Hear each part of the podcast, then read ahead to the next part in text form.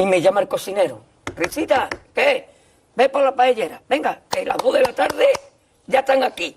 Miren, bañador. En las chanclas. Todo despeinado porque no me dio tiempo nada ponerme las chanclas y el bañador. Voy a la playa, había subido la marea. Jesús.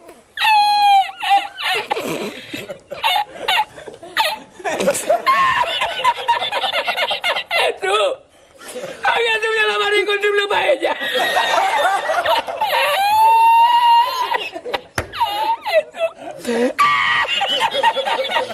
Y la encontré porque estaba, estaba la paellera agarrada entre metida entre las piedras de Chipiona, del faro. Y cuando entro en el restaurante me ve el cocinero con una paellera y adentro la vende paellera.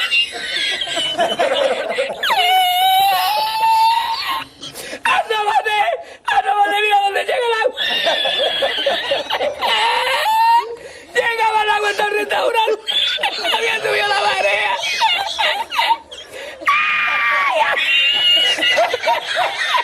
¡Jesús! ¡Hay que hacerlo! ¿Qué hacemos ahora? Con los dos sacos de arroz. ¡Ay, llama, llama para Sevilla! ¡Llama a Sevilla que traigo ¡Ay! Tú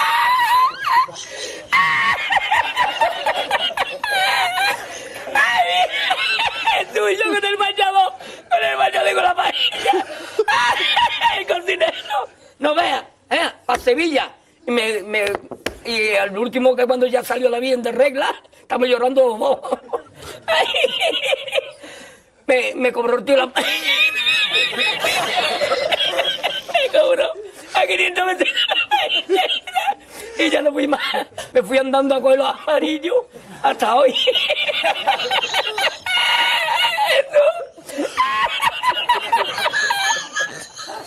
Me mandó, me mandó, me mandó por la noche, había bajado el agua y por la mañana había subido. Cualquiera estaba donde está la paellera, ¿sabes? A lo mejor está en el, en el barco ese del petróleo. En el Prestige. En el petriense. Ay, Y ya no vez para la cocina. Ya aborrecí la cocina. Ay, ay, ay.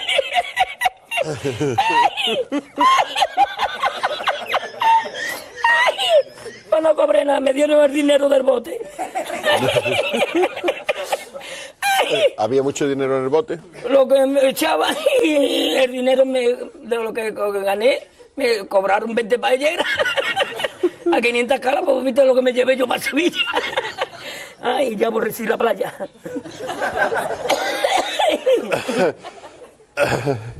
Ay, hemos llorado los dos.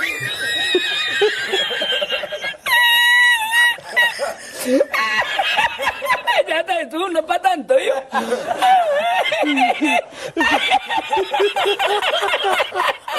A ti yo no quiero arroz, Jesús, yo no quiero arroz ni en chino, vamos.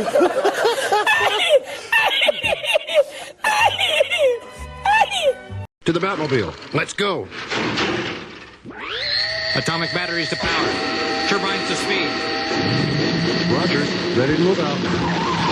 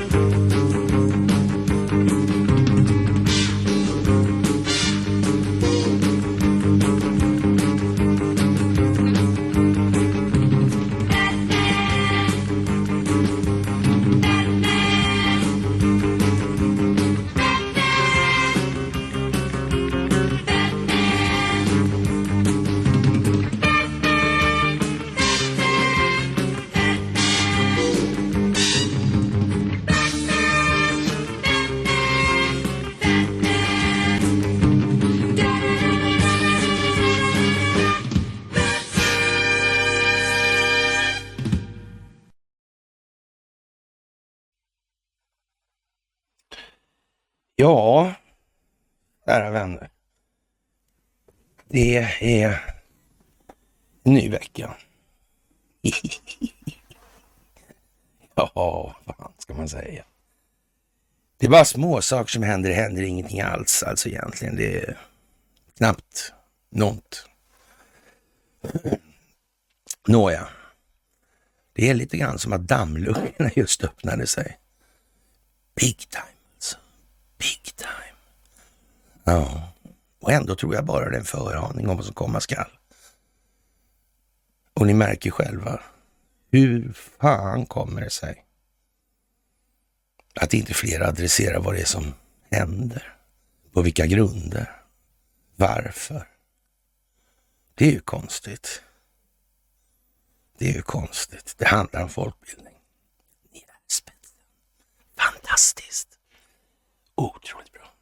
Vi skriver den eh, 26 februari 2024 och det är en ny vecka. Det är dags för ett måndagsmys. Ja. Ja, jag tycker det är fantastiskt. Det måste jag säga. Palestinas premiärminister avgår, så en liten detalj. Ja, palestinska regeringen på Västbanken avgår. Ja. ja. Men det är ju litet, sådär. Ja, vad som är litet idag, det... Ja, det var enormt. Bara för några dagar sedan. Ja. Nu är det tektoniska förskjutningar. Mm, det kan man säga. Geopolitiken kommer aldrig se ut som den har gjort tidigare. Nej, det kommer det inte att göra. Ja, Svenska Dagbladet och Dagens Nyheter, de korsdrar alltså. De är som en sån där ardennerpar nu. Mm. Så skjuts det in lite sånt där som ska hålla så att säga spelkulissen på platsen då. då. Ja, men det skiner igenom duktiga tag alltså. Ni är fantastiska.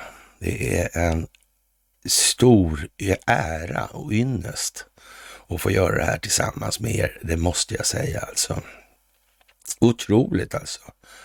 Och ja, vi har ju sagt hela tiden att det här ska slå in via det amerikanska valet och det kommer det att göra alltså. Och flera val kommer att slå in i det här på en gång, en och samma gång. Det är konstigt. Vi har en del att ta idag kan man säga. Och jag tänkte för lättsamhetens skull ska jag först tacka då för er insats i det här alltså. Den är värd allt. Det är allt. Det är förändringen som vi vill se i vår omvärld.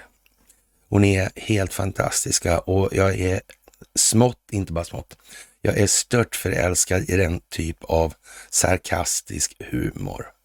Ni, nu börjar det uppvisa det. Är fan är med bra alltså. Det är fan är med bra alltså. Otroligt som det kan bli alltså.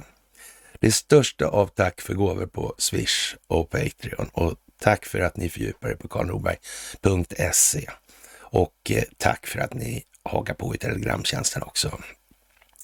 Och jag tänkte ta lite, eh, ja, ta en annan vinkel på saker och ting. Det här eh, dop dopningsombudet ska jag ta, för jag har ju haft en del med eh, svenska eh, Riksidrottsförbundet att göra i de sammanhangen och vi har liksom inte alltid delat mening och, och det kan ju låta lite sådär som att eh, ja, det vanliga enkla, men det skulle ju kunna vara så också att det döljer sig någonting bakom det här. Någonting större, någonting sinistert och, och det handlar om dopningmisstänkta idrottare kände sig dömda på förhand. Och, ja, jag har ju varit avstängd för då, dåligt samarbete en hel vecka blev jag ju det. Men då vågar de inte hålla mig avstängd. Det skulle vara ett internationellt mästarmöte där som var tvungen att släppa mig därför att det inte skulle bli världens liv på ja, Styrkelyft Sverige då. Mm. Men det var inte det enda som var med i de här sammanhangen. Det var lite speciellt det där. Mm. Vad är det? Det visade sig att det var andra i landslaget då som gillrade sig när man skulle ha krismöte om liksom något VM 96 tror jag det var i Wien. Och, och vi skulle, kunde inte bo tillsammans för jag var så elak och så vidare. Så, vidare. så skulle vi ha något möte om det där på Arlanda och så var det dopingtestar då.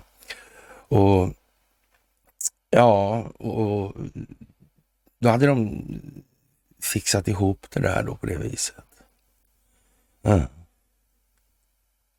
De ville liksom sätta åt andra då. Det var inte utan att jag som kom från nattklubbsvängar funderade lite grann på hur lång tid det skulle ta innan... Eller skulle man eh, tvingas analysera allt man stoppar i munnen nu också? För det var väl bara en tidsfråga antar jag. Utan att för den skulle säga eh, mer i saken än att eh, andra i den här gruppen åkte faktiskt fast för doping. Ja, vad konstigt. Ja.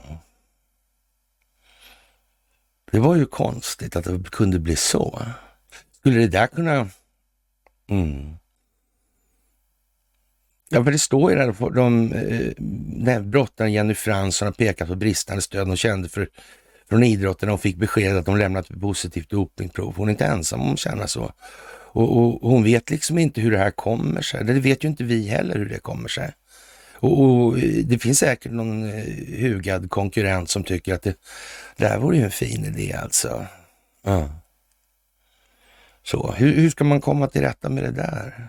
Finns det så? Alltså, eh, kan det vara så att det finns alltså intressen som vill sätta åt andra av ett konkurrensskäl liksom? Ja, och beredd att dra till det här till sin spets. Hur ska man skydda sig mot sånt då? Det, det enda raka det är väl att idrotten får tillhandahålla allting som, som det ska vara. Liksom. Man får äta och, och vet så som man kan vara säker. Eller hur ska det gå till? Tänk om det finns födoämnen, det finns massa olika gifter och, och grejer i mat som inte ska vara där.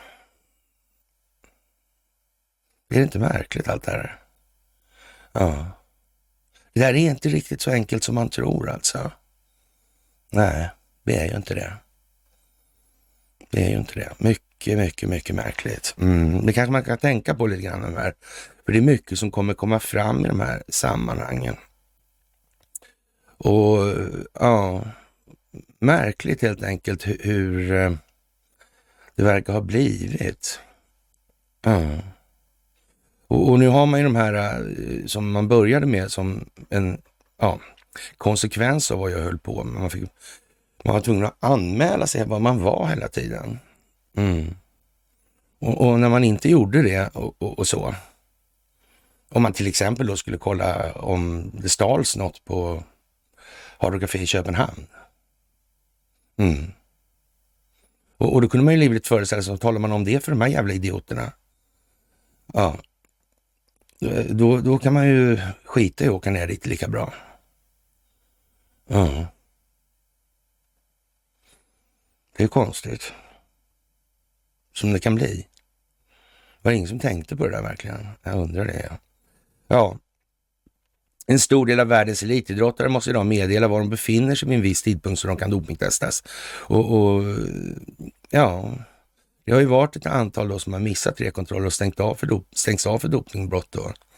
Ja, och ja, Charlotte Kalla blev väldigt nervös för det här och man skulle bli stämplad som det ena än det andra. Och det blev ju inte bättre av när man kunde konstatera att de riggade fällor. Och sen åkte de dit för doping som riggade fällan.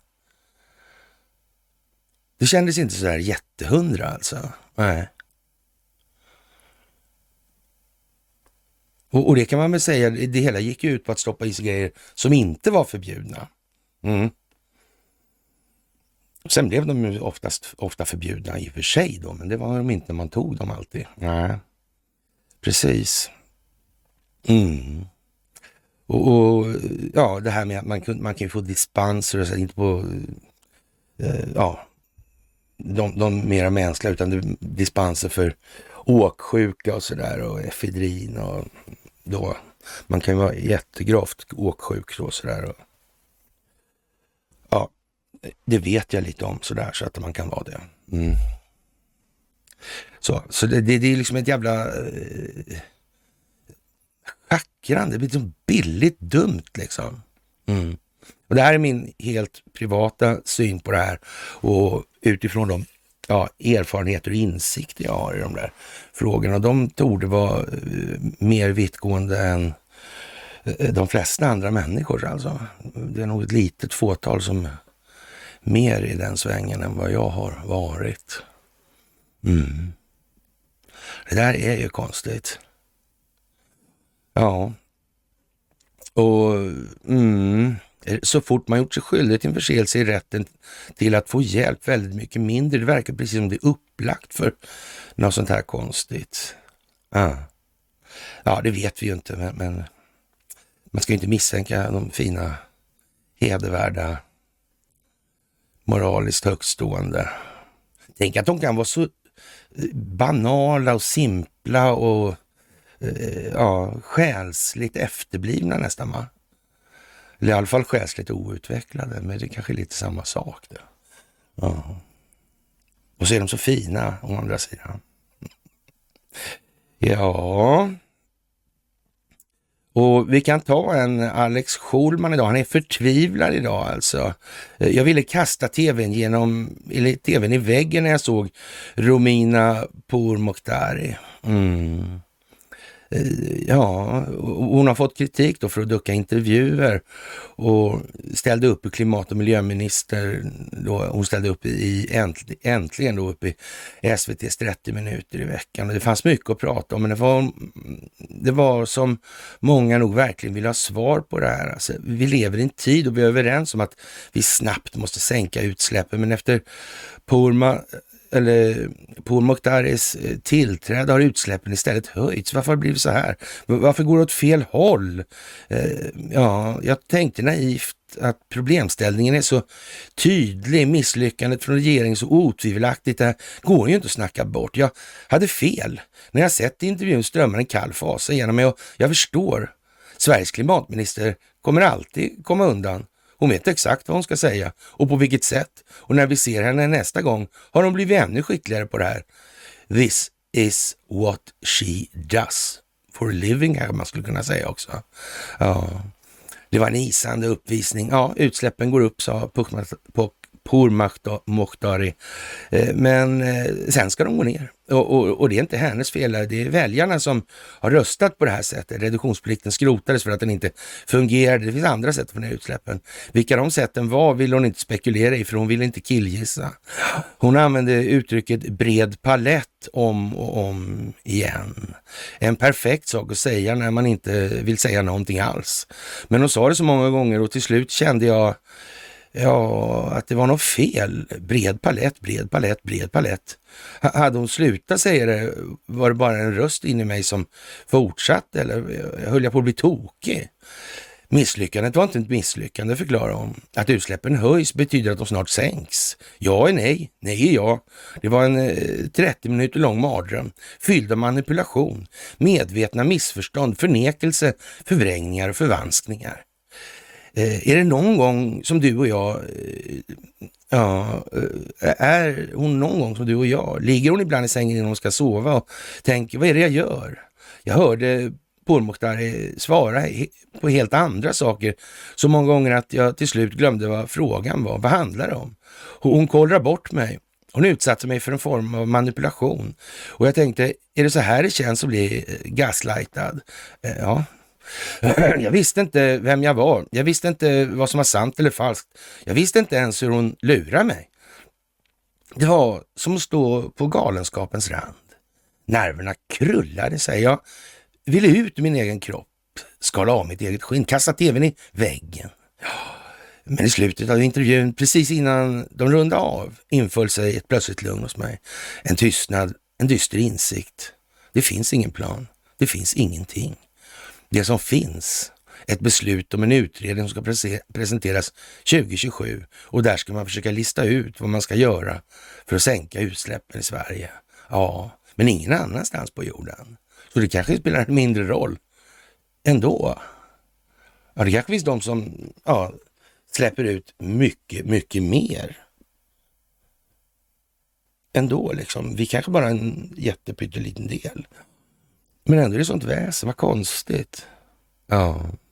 Vi ska föregå med det gott exempel. Vi ska vara ett föregångsland alltså. Vi blir nog föregångsland på ett annat sätt tror jag nog inom kort.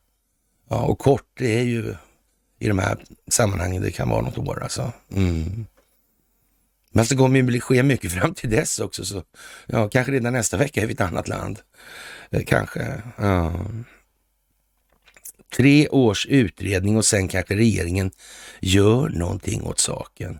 Det är galenskap, det är fasansfullt. Vad i helvete är det som pågår? Men, men Pourmokhtari eh, förklarar det så stiligt att man till slut börjar tro att det här enorma haveri som i själva verket är det enda, det är det enda vettiga alternativet alltså. Ja, hon gör allt så snyggt och elegant. Och, och så rinner hon ut ur tv-studion och jag fortsätter att tänka på när jag undrar om den här kylan verkligen är hennes. Eller rättare sagt om den kylan är allt hon är eller om det finns en människa där också kanske möjligen. Det vet man ju inte riktigt. Med ett hjärta som bultar och en oro som gnager. Är hon någon gång som du och jag? Ligger hon ibland i sängen och när hon ska sova och ja, tänker vad är det jag gör? Vad medverkar jag i? Är det så? Är det teater?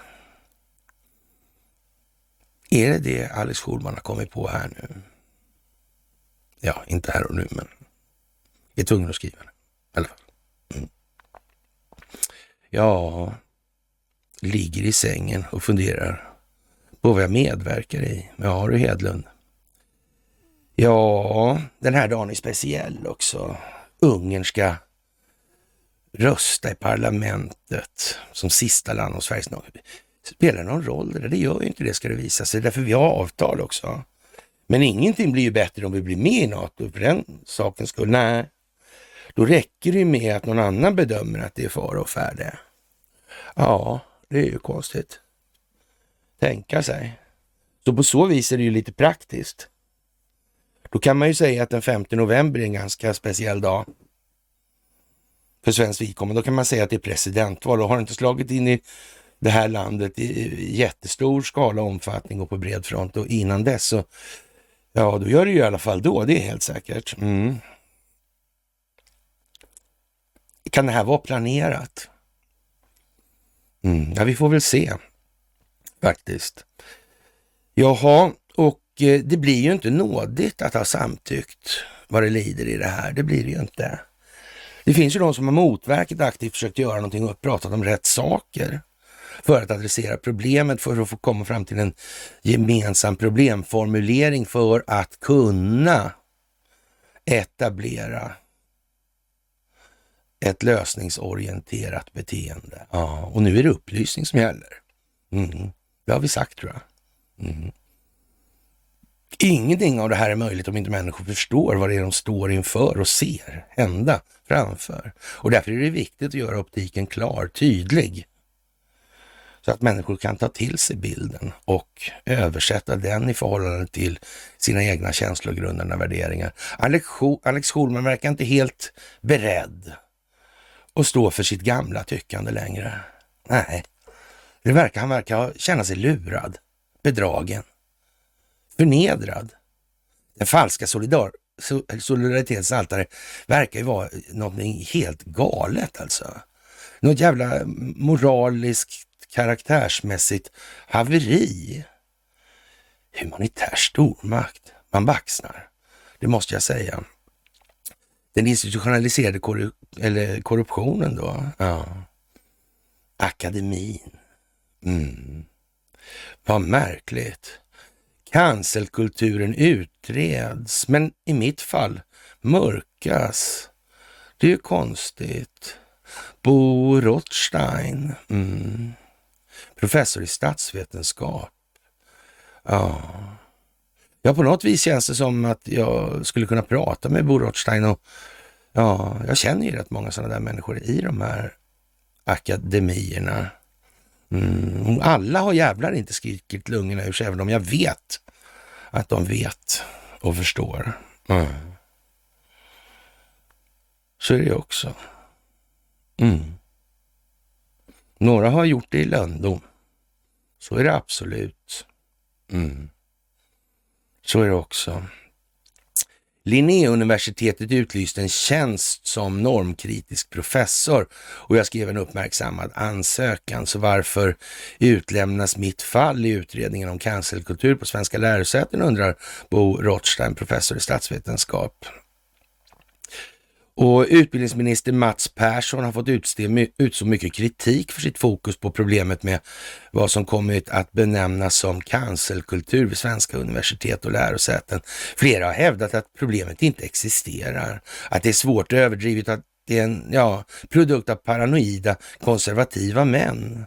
Ja, den utredning som Mats Persson initierat om detta problem har bland annat bestått i en enkät till landets lärosäten om hur vanligt omfattande problemet är. Eh, svaren har nu inkommit till universitetskanslerämbetet och det tycks ge kritikerna rätt.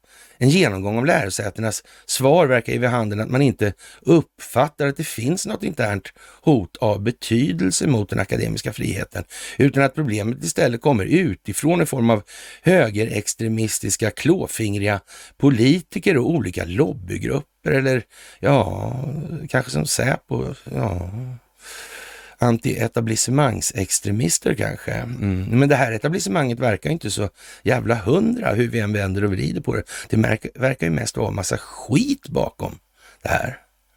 Ja, om alla tycker lika finns det naturligtvis inget behov av cancellering. Nej. Eh, begreppet, canc begreppet cancelkultur kommer som så mycket annat inom akademin från USA, där radikala studenter och lärare som uppfattar uppfattar sig företräda någon marginaliserad grupp försöker hindra att personer som de uppfattar som kritiska eller ignoranta mot grupper i fråga ges utrymme att framföra sina eh, ståndpunkter. Mm. Eh, de kända fallen i Sverige är förvisso inte många, så, så, det kan möjligen stämma att problemet inte är så omfattande som Mats Persson antar då. Men om någon ska eh, cancelleras måste rimligen denna person först ha eh, blivit inbjuden och tala vid något seminarium och symposium om eh, det här inte sker, kan per definition inte någon cancellering förekomma eh, eller behöva förekomma kanske man ska säga då. Den relativa frånvaron av försök att få arrangörer av dylika sammankomster att ställa in, det vill säga cancellera ett evenemang, kan helt enkelt bero på att i det svenska akademiska systemet är mycket sällsynt att man bjuder in personer med kritiska eller från den lokala intellektuella miljön avvikande ståndpunkter. Jag vet ett, en föreläsning som skulle hållas för Vänsterpartiet i Tranemo. va? Ja, det var väl 2013 typ sådär eller något sånt kanske. Ja. Mm. Just det. Tid och pengar hette den. Mm. Det ville inte Expo. Nej. Oj, oj, oj, oj, oj, oj, oj. Ja, er undertecknad fick en jävla räcka med epitet alltså. Mm. Stigmatiseringsbegrepp klistrat på sig. Ja, så var det ja. Och, och Vänsterpartiet sket ner sig mm, och ställde in. Och rubriker här och var liksom. Mm. Ja, tänka sig. Nåja, tänkte jag, då får vi ta det begreppet också. Nu är det kanske knöligt det här med antisemitism. Det verkar svårt. Ja. De religiösa judarna måste väl ändå ha rätt att kalla sig för judar eh, mer än vad andra som inte är religiösa har. Eller, eh, ja, och så det där. Det är det gamla vanliga nu alltså. Mm, alla känner till det där. Mm. Det blev inte så bra, det tog lite tid bara. Men nu blev det bra. Ja. Och tid och pengar, ja. Ja, tänka sig. Mm. Det tycks också komma på tapeten. Det kommer samtidigt på något vis. Mm. Ja, vad lustigt. Ja. Ja. Eh. Ja, min erfarenhet från universitet i USA är att de präglas av pluralism. Denna uppstår bland annat därför att en majoritet av forskarna, och lärarna, är rekryterade utifrån. I Sverige ser det inom stora delar av humaniora och samhällsvetenskap annorlunda ut på så sätt att merparten det är egna produkter. Mm. Unga forskare präglas därmed starkt av den lokala miljön och, och, måste som regel anpassa sig till de lokalt rådande tankesätten för att säkra sin framtid. Man, man går kvar som elev hos sina lärofäder tills man väl passerat 50-årsstrecket. Ja, det måste vara praktiskt. Kan det finnas en tanke med det här tro? Eh, varför har de inte sagt till själva inifrån för? Skrikit rakt ut. ja, man kan säga att det är en exponent för svensk lönesart och eh, ja, det är så. Det naturliga ledarskapet i sin yttersta potens alltså. Inte. Nej. Och, och konstigt. Ett exempel på det här Eh, kan man hämta från Linnéuniversitetet. Våren 23 utlyste man en professur vid den humanistiska fakulteten där man i utlysningen preciserar vilka teoretiska perspektiv som krävdes för att få jobbet. Detta var normkritik, eh, dekolonialism, feminism, queer-teori och teorier om posttillväxt. Eh, skulle jag då bli avskedad, frågar jag något ironiskt. Utlysningen av en professur är ingen liten sak för ett universitet, utan formuleringarna nagelfars vanligen av ledningen. Men, det, men detta flagranta brott mot principerna för forskningens frihet, uppräkningen av perspektiv som kandidaten behövde ha, hade alltså pass, passerat. Inte heller lärare eller studenter hade några invändningar. Ja, alltså, ja, tänk alltså hur det blir nu här alltså. Tänk vad konstigt. Fast professuren låg långt borta, bortom mitt ämne. Eh, jag beslut, beslutade mig ändå då för, för, att skicka in en ansökan där jag bland annat ställde frågan om vad som skulle hända om jag med min forskning kom fram till att någon av dessa omhuldade teorier faktiskt inte kunde bekräftas i forskningen. Skulle jag då bli avskedad alltså? Eh, lite ironiskt frågande. Ja. Ja, det kan man ju fråga sig, jag vet inte. Min satiriska ansökan väckte en del medial uppmärksamhet och kritik riktades mot universitetet. Men Linnéuniversitetets ledning backade inte en millimeter utan vidhöll att man var i sin fulla rätt eh, att på detta sätt inskränka den akademiska friheten. Ja, det gäller ju att tänka rätt och inte fritt alltså. Ja. Våren 2023 utlyste universiteten en professur där kandidaten förväntades omfamna normkritik, dekolonialism, feminism och queerteori och teorier om posttillväxt alltså. Ja.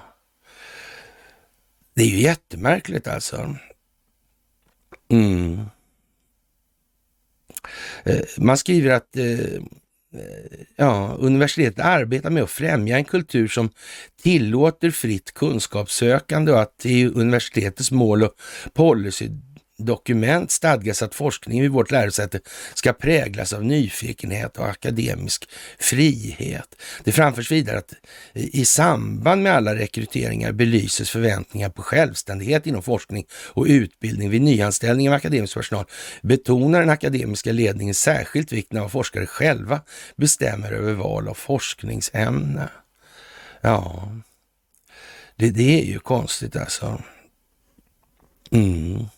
Och, och, man kan ju undra om det inte låter inte det här lite lik prosan, alltså lite kanslisvenska sådär och, och en... Mm. Kan det vara tanken tro att det här kommer nu samtidigt? Jag har ingen aning faktiskt. Ja. Och Eh, på frågan hur vanligt är det att den akademiska friheten på lärosätet utmanas internt står ingenting om de begränsningar vad gäller valet av teoretisk ansats som fanns i den här professuren han sökte då. Inte heller står det någonting om detta under rubriken Ge exempel på när den akademiska friheten på lärosätet har utmanats internt respektive eh, externt. Beskriv konkret hur lärosätet agerade för att värna den akademiska friheten i de situationerna och vilka lärdomar som har dragits. Och när han efter några veckor då uppnått den här mediala effekten med sin ansökan drog han tillbaka den men eh, erbjöd sig då i gengäld att utan krav på ersättning komma som gästforskare till lärosätet för att föreläsa om akademisk frihet. Efter sju månader fick jag en sån inbjudan av statsvetarkollegorna och vi, de avtalade en månad till kommande hösttermin.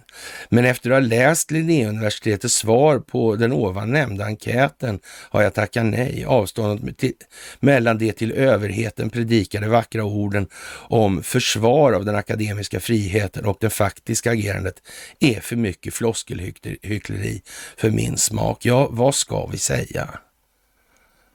Det är ju rejäla saker som händer nu här alltså. Ur ett folkbildningsperspektiv, det måste man säga.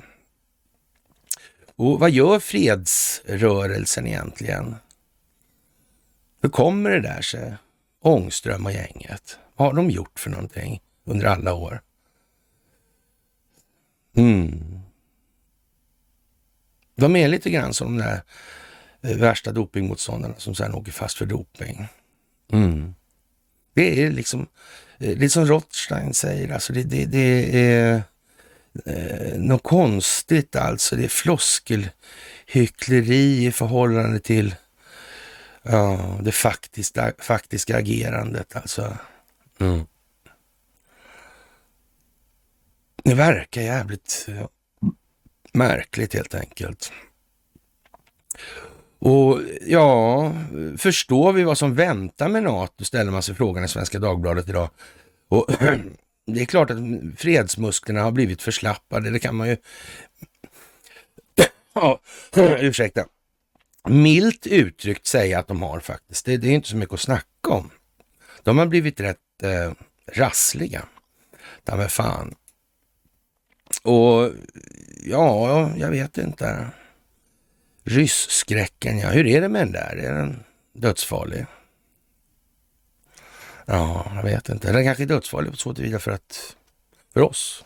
Men varifrån kommer den? Är det Ryssland som har satt rysskräcken i oss? Eller är det någon form av floskelhyckleri alltså igen? Ja. Som kraftigt devierar från den faktiska verkligheten. Vilka kan det vara? Mm. Ja, det är undligt. Väldigt undligt. Ja. Mm. Ja. Och det här med NATO. Är det bra för freden? Ja.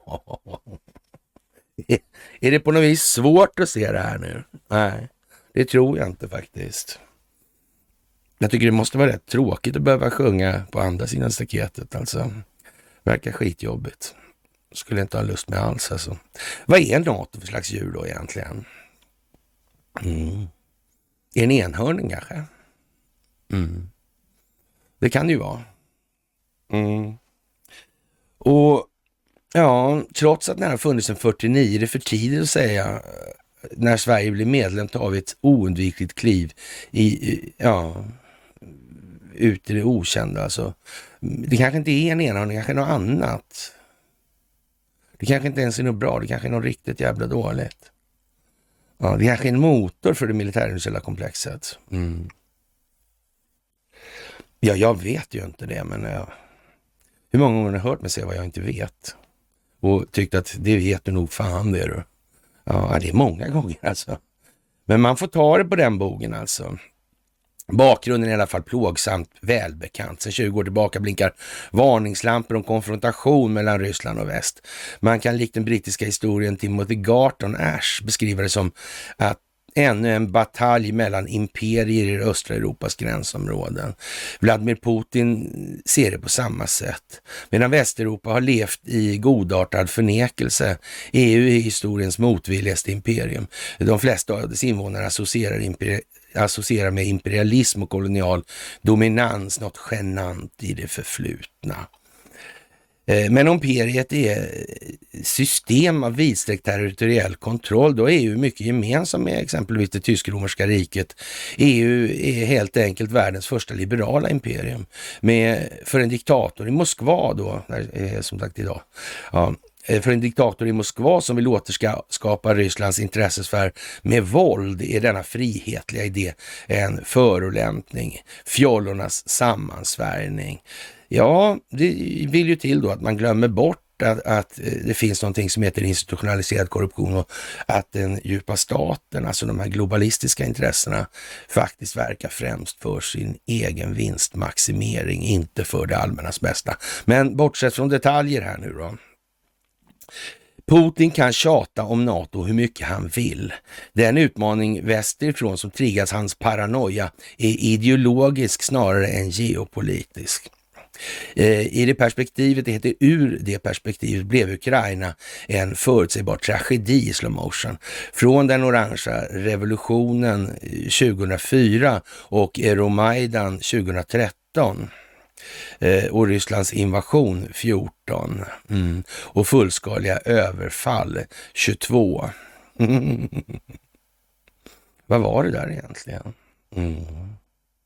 Gick det här rätt till verkligen? Det var, hur mycket la amerikanska utrikesdepartementet? 5 miljarder på det va? Varför då? Mm. Ja, man vet ju inte riktigt. Mm. Varje ryskt brott mot Ukraina de senaste decennierna bär Putins fingeravtryck, men väst har inte varit mycket, till mycket hjälp, i alla fall inte före kriget. Till NATOs toppmöte i Bukarest 2008 drev USA på för att Ukraina och Georgien skulle bli medlemmar. Ja, det var ju lite innan det då. Ja. Tyskland och Frankrike tvekade.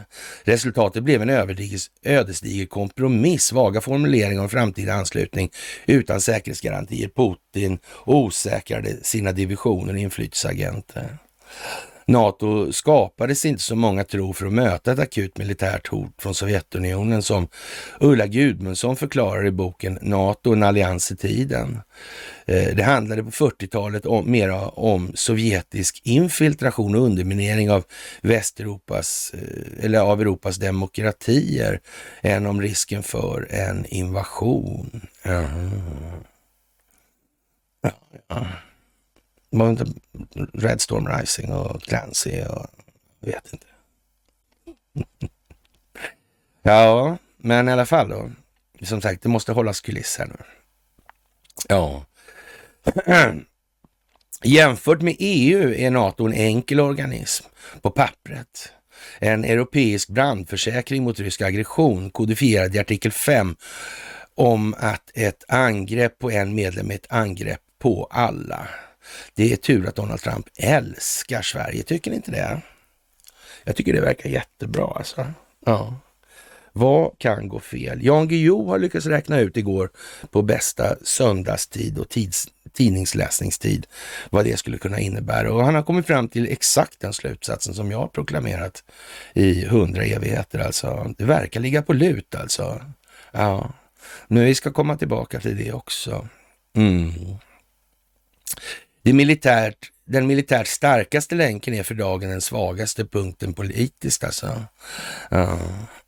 En eh, oberäknelig Donald Trump påminner om att USAs latenta isolationism och fluktuerande globala åtaganden på Europas bekostnad. Sverige har onekligen valt en pikant ögonblick och överger 200 års neutralitetspolitik. Ja, som sagt, vi vet vad Atlantpakten betytt historiskt, men inte mycket om dess framtid. Jo, det vet vi faktiskt ganska mycket om. Vi har varit tydliga med den saken. I sin nuvarande form och tappning så är det ingen framtid. Nej.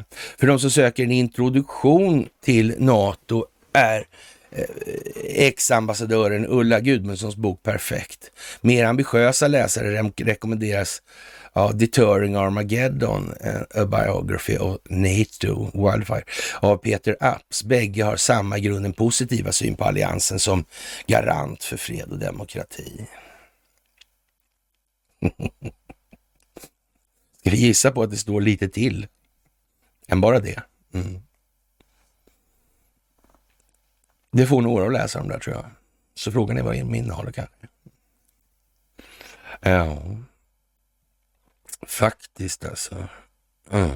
Svensk NATO-opinion är numera på samma våglängd. Den som hellre vill bli påminn om gamla tider före 22 kan läsa Stefan Lindgrens eh, Dö för NATO. Där är alliansen ett verktyg för USAs världsherravälde. Amerikansk militarism mot fredsälskande ryssar.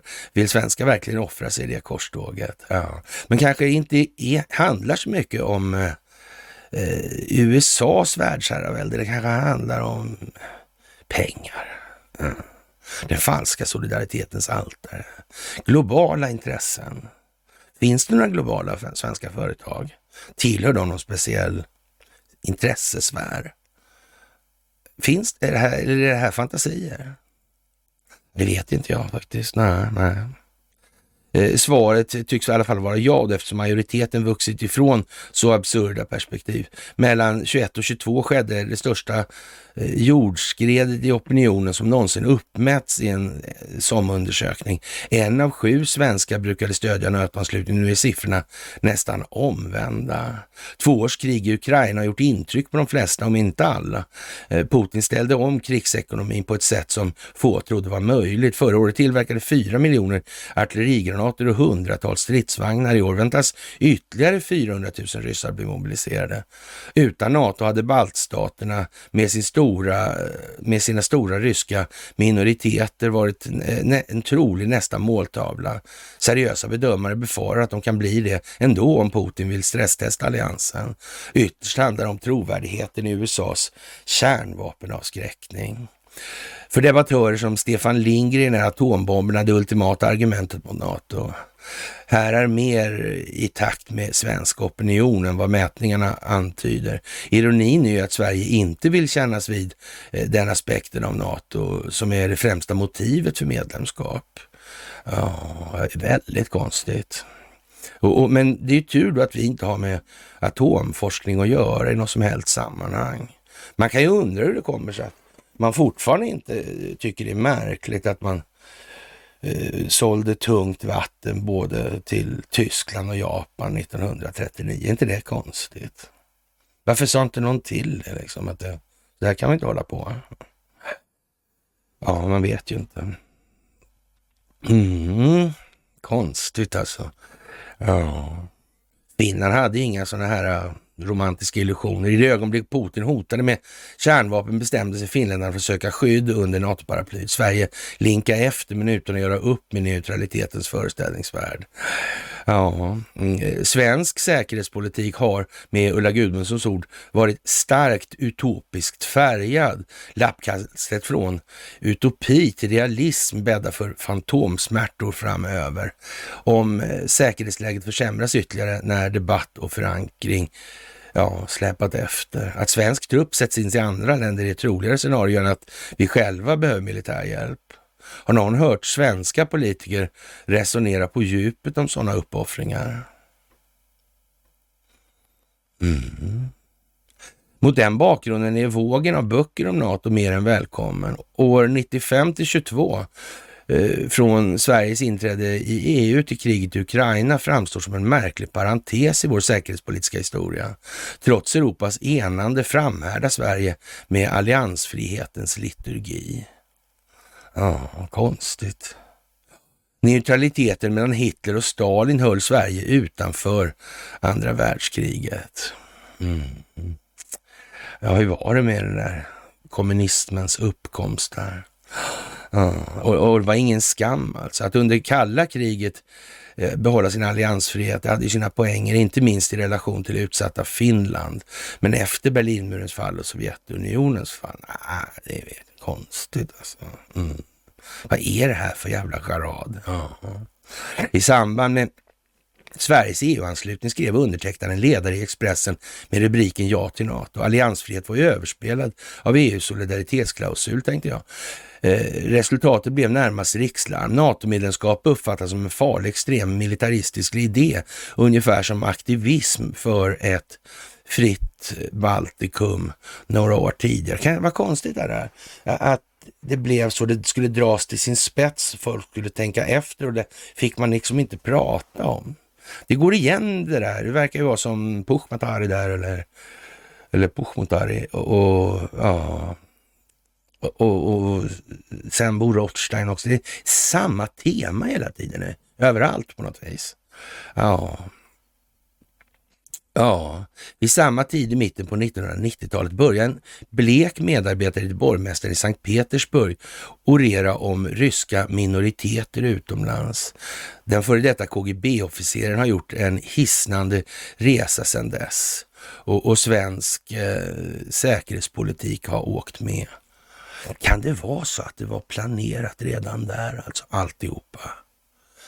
Att Boris Jeltsin faktiskt visste vad han höll på med? Det kan ha varit det alltså. Ja. Mm.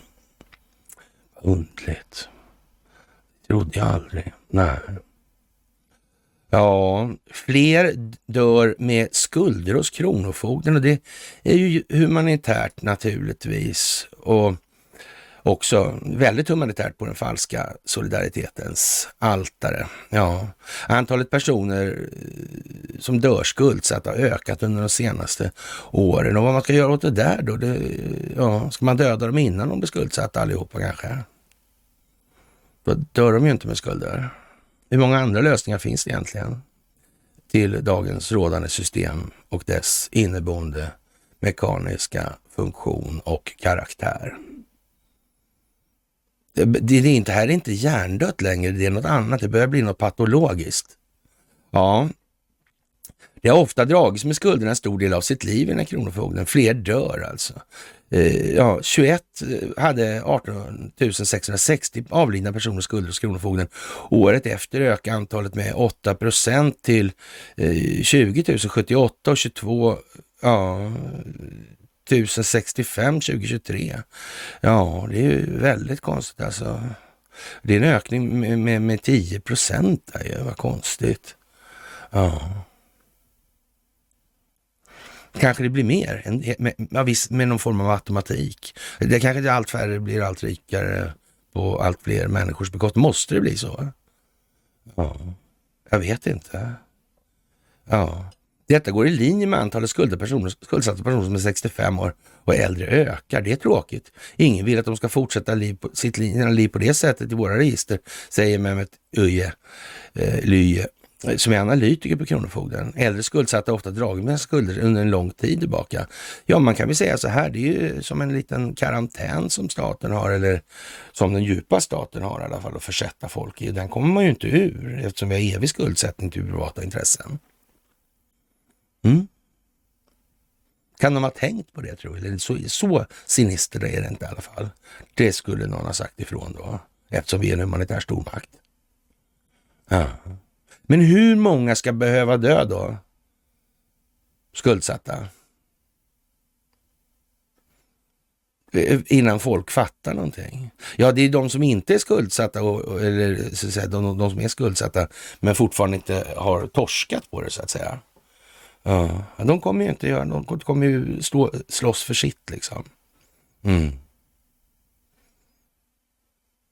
Och det må ju ta den tid det gör. Men nu, nu ser det så mörkt ut på så många fronter så jag vet inte, är det någon idé att sprattla längre för dem? Nej, det är det inte egentligen.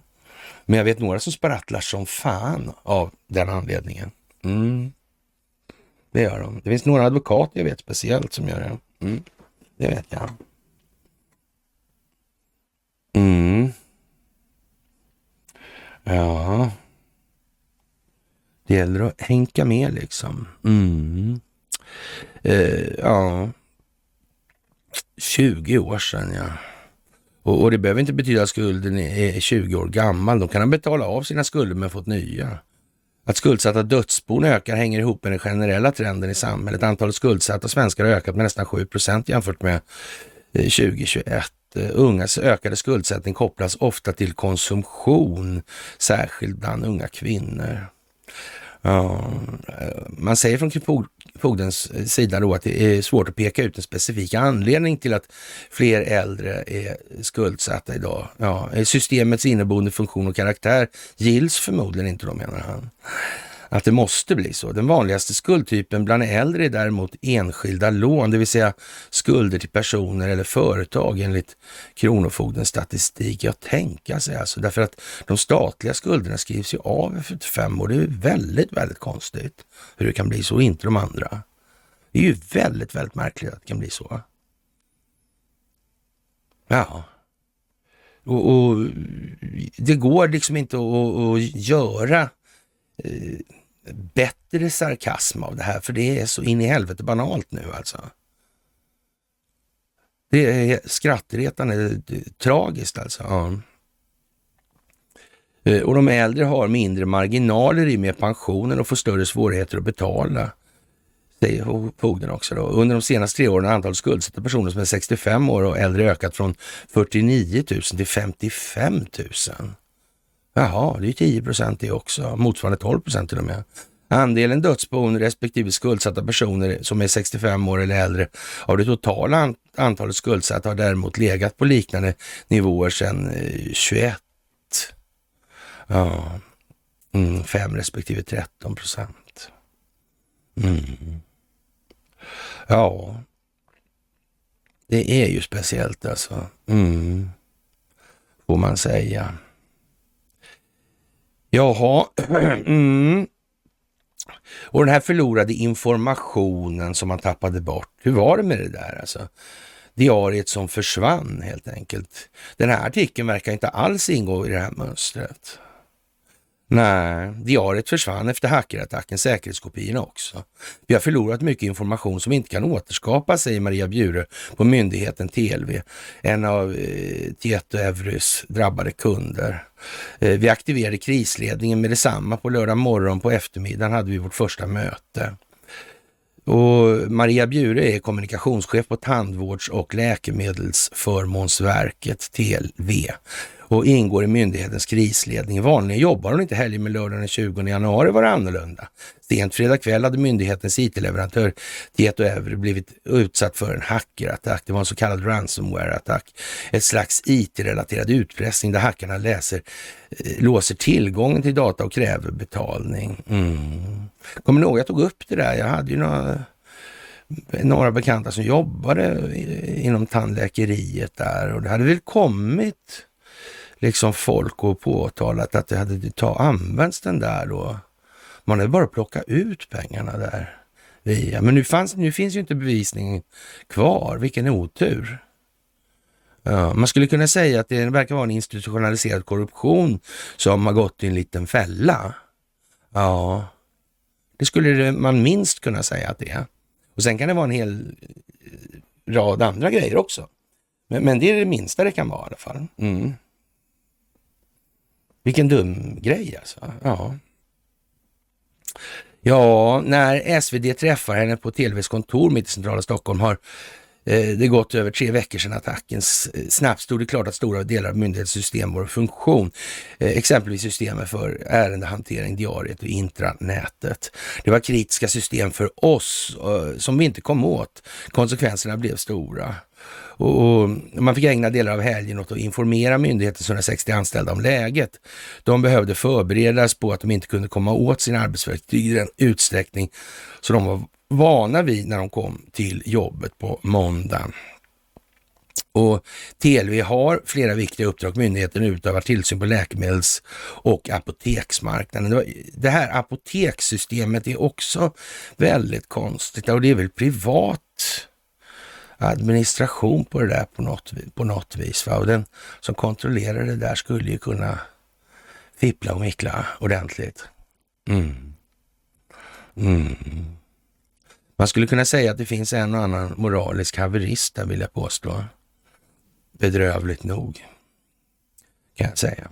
Det är helt jävla bedrövligt. Är det. Pinsamt alltså. Vilken jävla moralisk fallenhet alltså. Ja, jag höll på att säga något om äpplen och träd. Mm. Ja, bedrövligt alltså. Ja, och det är en kostnad på tiotals miljarder om årligen. Ingen jävla någonsin kan väl komma på tanken att börja fiffla med det där. Det är ingen som har gjort det som tur är alltså. Så det var även att nå ut till alla externa parter som är beroende av myndighetens arbete, exempelvis läkemedelsbolag efter attacken. Eh, ganska mycket extra jobb, men så är det ju när det är kris, säger hon. Fortfarande kvarstår stora brister, hela myndighetens diarium är borta och även ärendelistorna. Så möjligheten att begära ut tidigare handlingar om ett visst område, eh, ett visst årtal är begränsade. Och, och diariet är centralt för myndigheten eftersom det innehåller alla allmänna handlingar, exempelvis beslut som TLV har fattat. Det är genom diariet berörda parter och allmänheten kan ta del av myndighetens alla ärenden och se historik kring besluten. Det är allvarligt, vi har förlorat mycket information som inte kan återskapas. Våra diarier är ju en möjlighet för allmänheten att få insyn i vår verksamhet. Ja, Mm, den här hackningsgänget, alltså det måste vara några riktiga baddare. Mm. Mm. Mm. Det var kanske en trojan i trojanen rent av, vem vet? Vem vet? Mm. Ja, nyligen kom information om att även säkerhetskopior hade blivit förstörda i attacken. Vad tänker du om det? Det var ju ytterligare en nivå av krisen. Då behövde vi börja jobba med det också, eh, säger Bjurer här. Och, och ja, anställda har fått anpassa sig, de jobbar på nya eller nygamla sätt.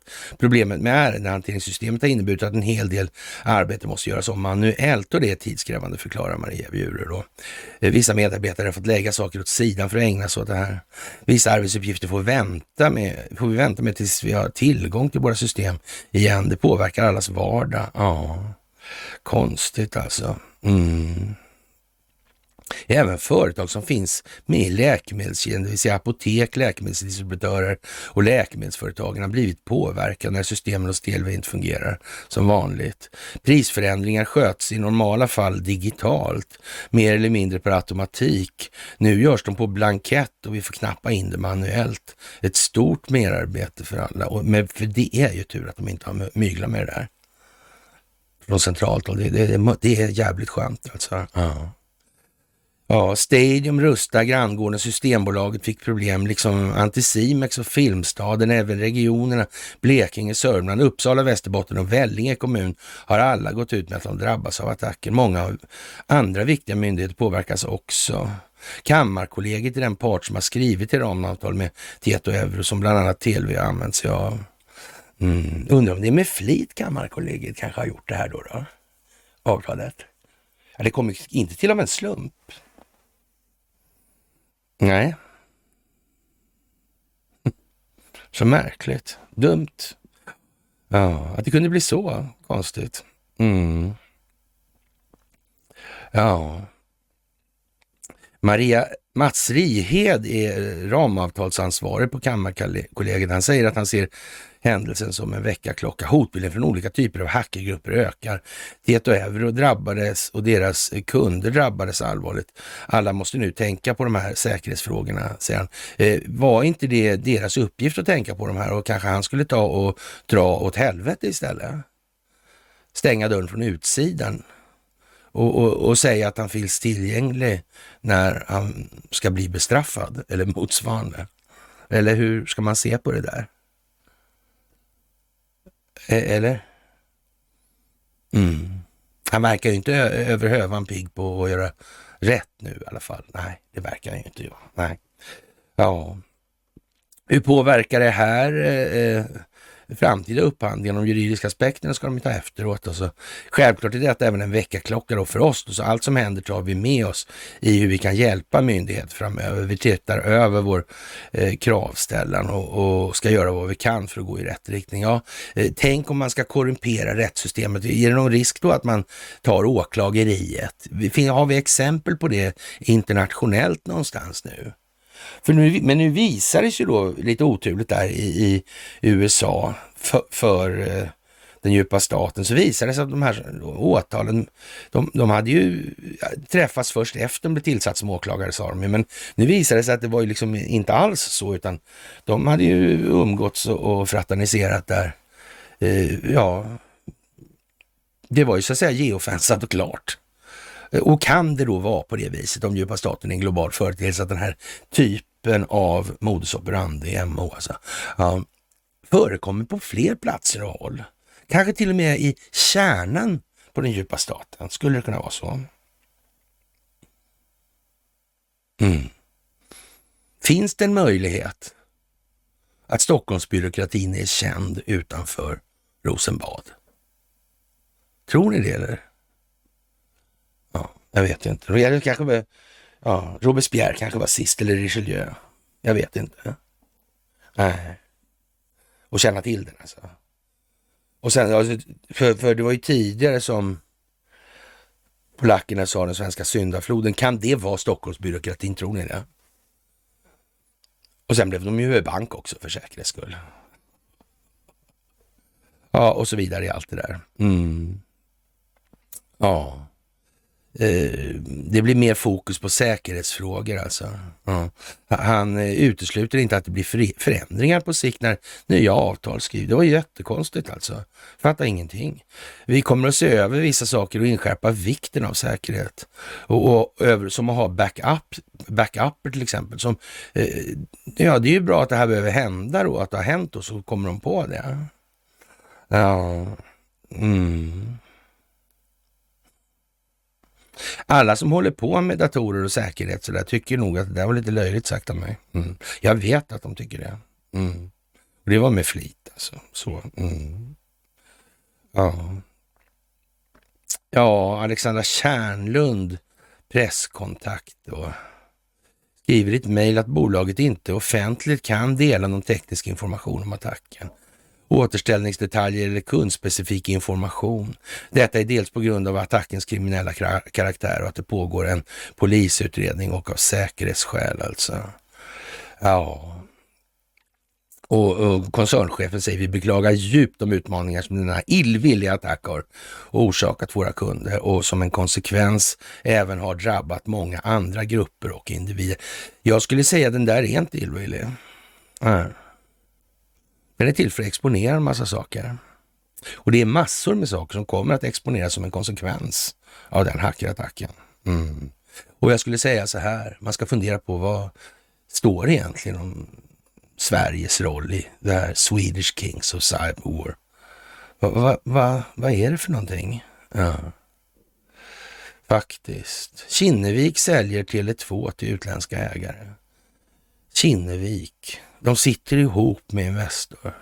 Jag tror Hugo Stenbeck och häradshövdingen kände varandra. Jag tror bestämt det. Eh, jag tror bestämt de hade någonting med någon Krygeraffär att göra. Mm. Jag tror bestämt att Hugo Stenbeck begick någon form av ja, övertramp. Mm. I rättslig mening. Ja. Jag tror Hugo Stenbeck begrep att han måste skydda sig själv. Mm. Det tror jag han begrep tidigt. Faktiskt. Mm. Det var nog en, eh, ja, ett ömsesidigt utbyte. Ja, och ja, Stenbecksfärens maktbolag Kinnevik har gjort upp om att sälja hela sitt innehav i telekombolaget Tele2 för 13 miljarder kronor till utländska ägare, skriver Kinnevik i ett pressmeddelande. Tele2 bildades av Jan Stenbeck på 1980-talet och, och, han eh, hade ju det här andra bolaget Korsnäs och Korsnäs Marma i botten där. Hugo bodde på Herrgårdsallén i Bomhus när han var där då i mässbyggnaden, den lilla diskreta historien där. Mm. Ja, mycket speciell miljö det där. Mm. Faktiskt. Mm. Ja, de fick liksom vara fender eller bromskudde kan man, airbag kan man säga. För mycket är de där. Mm. Elon Musk, han har, har ja, postat på X från en vanlig mobil rakt i SpaceX-satelliterna. Mm, med ingen, utan speciell utrustning emellan. Mm, praktiskt. Mm. Det blir ju väldigt, väldigt svårt med en del saker. När det gäller kontrollen över telekominfrastruktur. I alla fall blir det svårare. Mm. Ja, och som sagt, eh, Starlink kan ju vara praktiskt att ha då när något annat blir reviderat. Man vet ju inte. Man vet ju inte faktiskt. Ja. Mm. Timingen i det här. Konstigt. Och, och, Trumps lansering av de här gyllene skorna är bara en i mängden av hans souvenirer. Nu sågas eh, det av entusiaster världen över. Mm. Man kan tänka sig att det är den sista dolkstöten i en redan krisande bransch, säger Daniel Lindström som är modechef på tidningen Café. Mode, ja. Modeindustrin går ju inte så bra. Det verk, verkar i alla fall inte efterfråga de här produkterna som Renewcell producerar. Det vet vi ju inte egentligen hur det förhåller sig med det alltså. Nej, vi kommer alldeles, alldeles strax tillbaka till det där alltså. Gyllene skor, ja. Mm. Oh, jag börjar nästan sväva. Mm. Ja, Diggiloo ja. Det svenska musikundret. Jättekonstigt. Mm.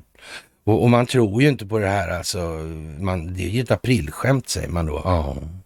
Jag tror inte alla ser på det på det viset. Alltså jag vill ha ett par. Ja. Även om jag är liksom... Men, men principiellt, jag vill ha ett par. Och jag skulle gå i dem också. Mm. Demonstrativt. Ja. Eh, väldigt, väldigt... Eh, mm. Sneakers bör förena istället för att splittra. Jaha. Ja, det kan... Ja, jag vet inte. Ja, det är väl konstigt det där. Ja. Ja, enligt sko, CNN så var skorna slutsålda samma kväll som de släpptes. Inledningsvis fanns bara tusen par till försäljning. Ja, på samma webbplats säljs också två billigare sneakers samt parfym. Ja, ja det är ju konstigt, verkligen. Mm. Ja, modebranschen. Mm. ja, ja, ja, ja. NATO kunna, eller Sverige kunde ha blivit medlem i NATO 49. Nu kan det vara för sent, säger Agrell då. Ja, vi kanske har väntat för länge. ja, det kan man kanske säga. ja. Han anar nog oro, den gode Wilhelm. Ja, han gör nog det. Mm. ja. ja, faktiskt skulle det vara kul. Jag skulle vilja träffa honom, alltså, prata med honom på det viset. Jag kan i alla fall lära lite om ja, knarkhoror och narkotika, såna nattklubbsverksamheter. Det kan säkert berätta någon story för honom sådär. Alltså. Ja, det där är lite udda alltså, måste jag ju säga. Ja. Mm. Ja, vi får väl se helt enkelt. Fredsforskare, ja. Ja, det är väl ungefär som sjukvården och vårda sjukdomarna och se till att de finns kvar. Ja, det är konstigt. En fredsforskare, vad är han då? Se till att ja, kratta för det ska bli krig helt enkelt. Ja. Så det är lite speciellt alltså. Och det här, vad, vad är det som har hänt det här med Euromaidan egentligen? Kommer ni ihåg det där? Mm. Det var ju något med skyttar där här, sa för något mys. Mm. Verkar vara riggat det där också alltihopa.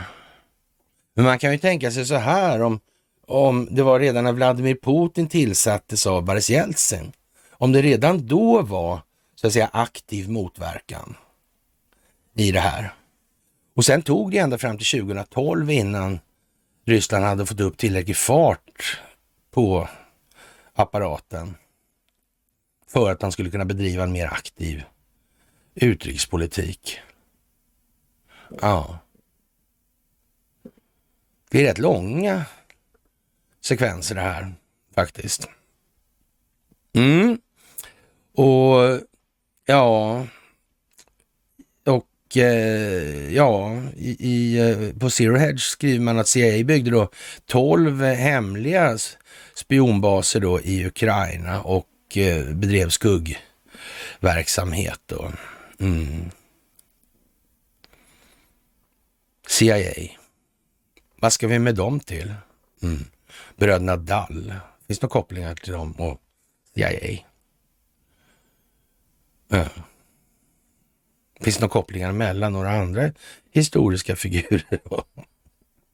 Kanske typ som, ja, var det inte Stenbeck eller så? Jag vet inte. Var det så eller inte så? Mm. Är det samma jävla liga hela tiden alltså? Så förargligt alltså. Och Boris Johnson, han tycker att de är för jävla tappra i Ukraina och den här goda kampen de för, den är, de kommer att vinna alltså.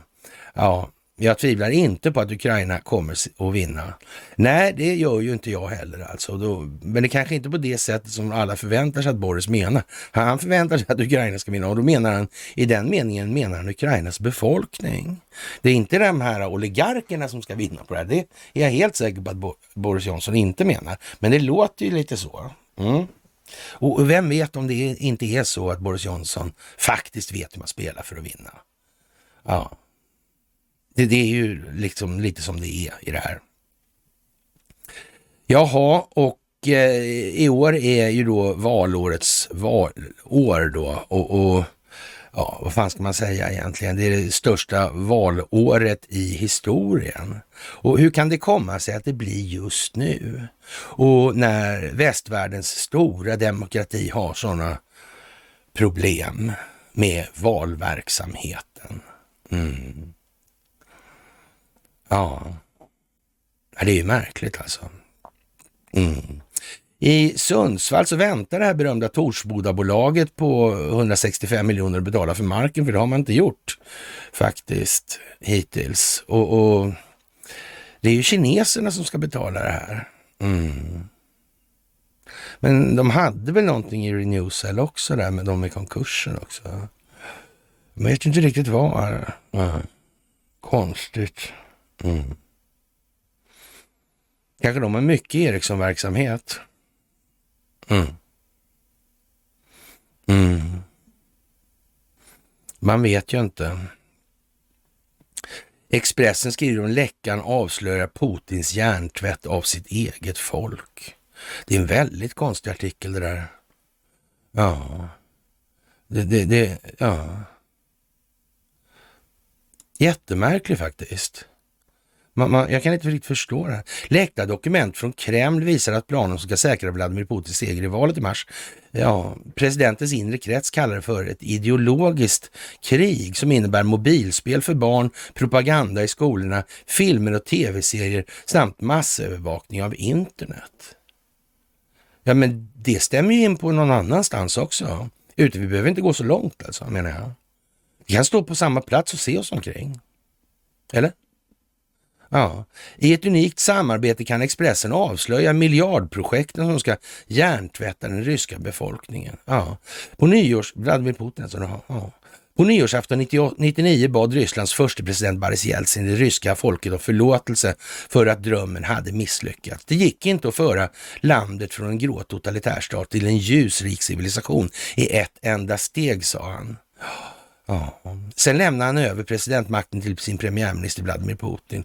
I sitt första tal till folket som Rysslands president sa Putin eller gav Putin både löften och hot. Yttrandefrihet, samvetsfrihet, pressfrihet, agend, äganderätten, alla dessa grundläggande element av ett civiliserat samhälle kommer att tryggt försvaras av staten. Mm. Ja, men vänta här nu då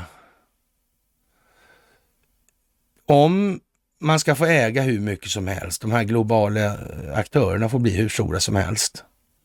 Ja, vad blir det kvar till resten av befolkningen i, det, i deras hemland? Ingen risk. Ingen tycker att det är något anmärkningsvärt. Nej, jag vet inte. Mm. Konstigt. Mm.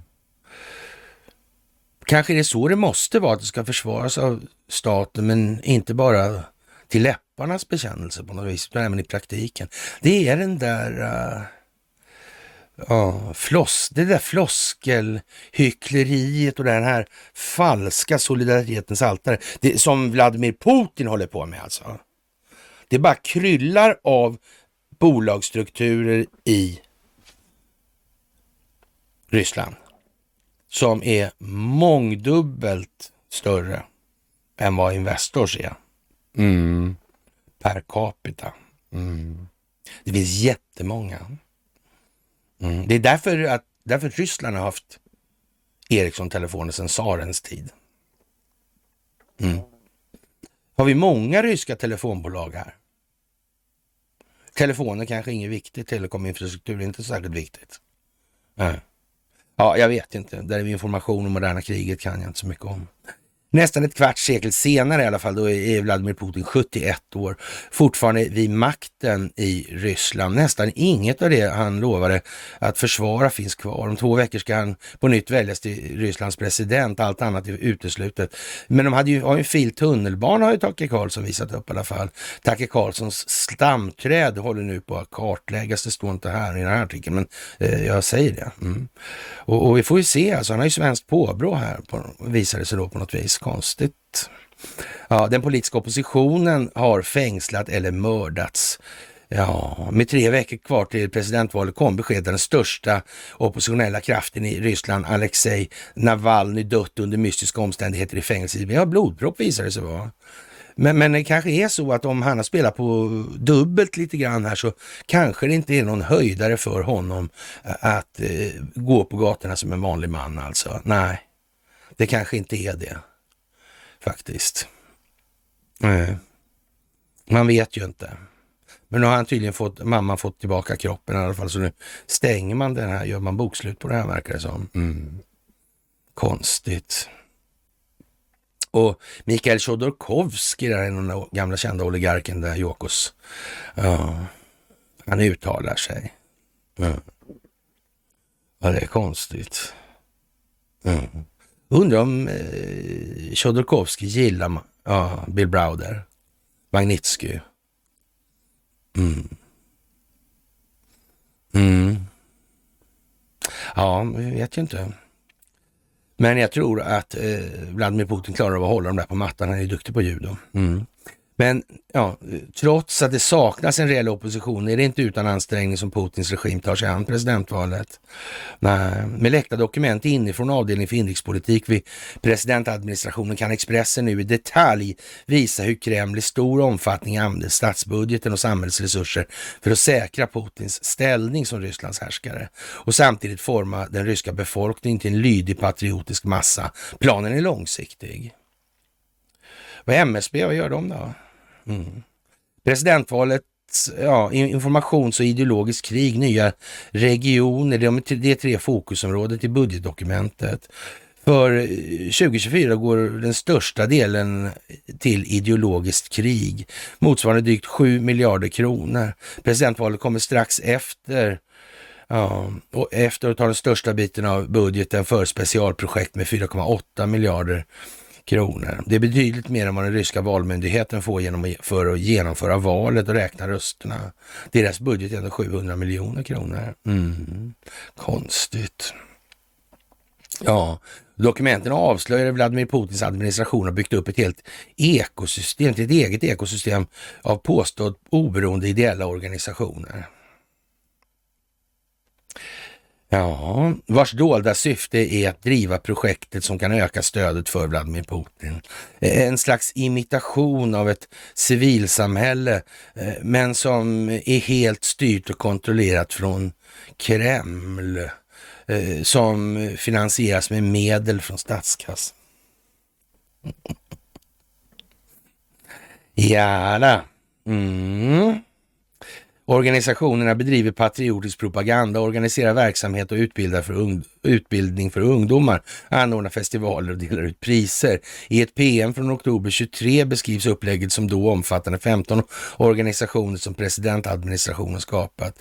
De har alla eh, ryska organisationsformer som förkortas ANO, autonom ideell organisation. Ja. Men att det skulle röra sig om självständiga organisationer är bara en kuliss. I, I, dokumentet beskrivs hur de finansierar med drygt 6 miljarder kronor. I september eh, 23 sysselsatte man då 4 357 personer. Det är alltså eh, mindre än vad regeringskansliet är till och med. Ja, konstigt.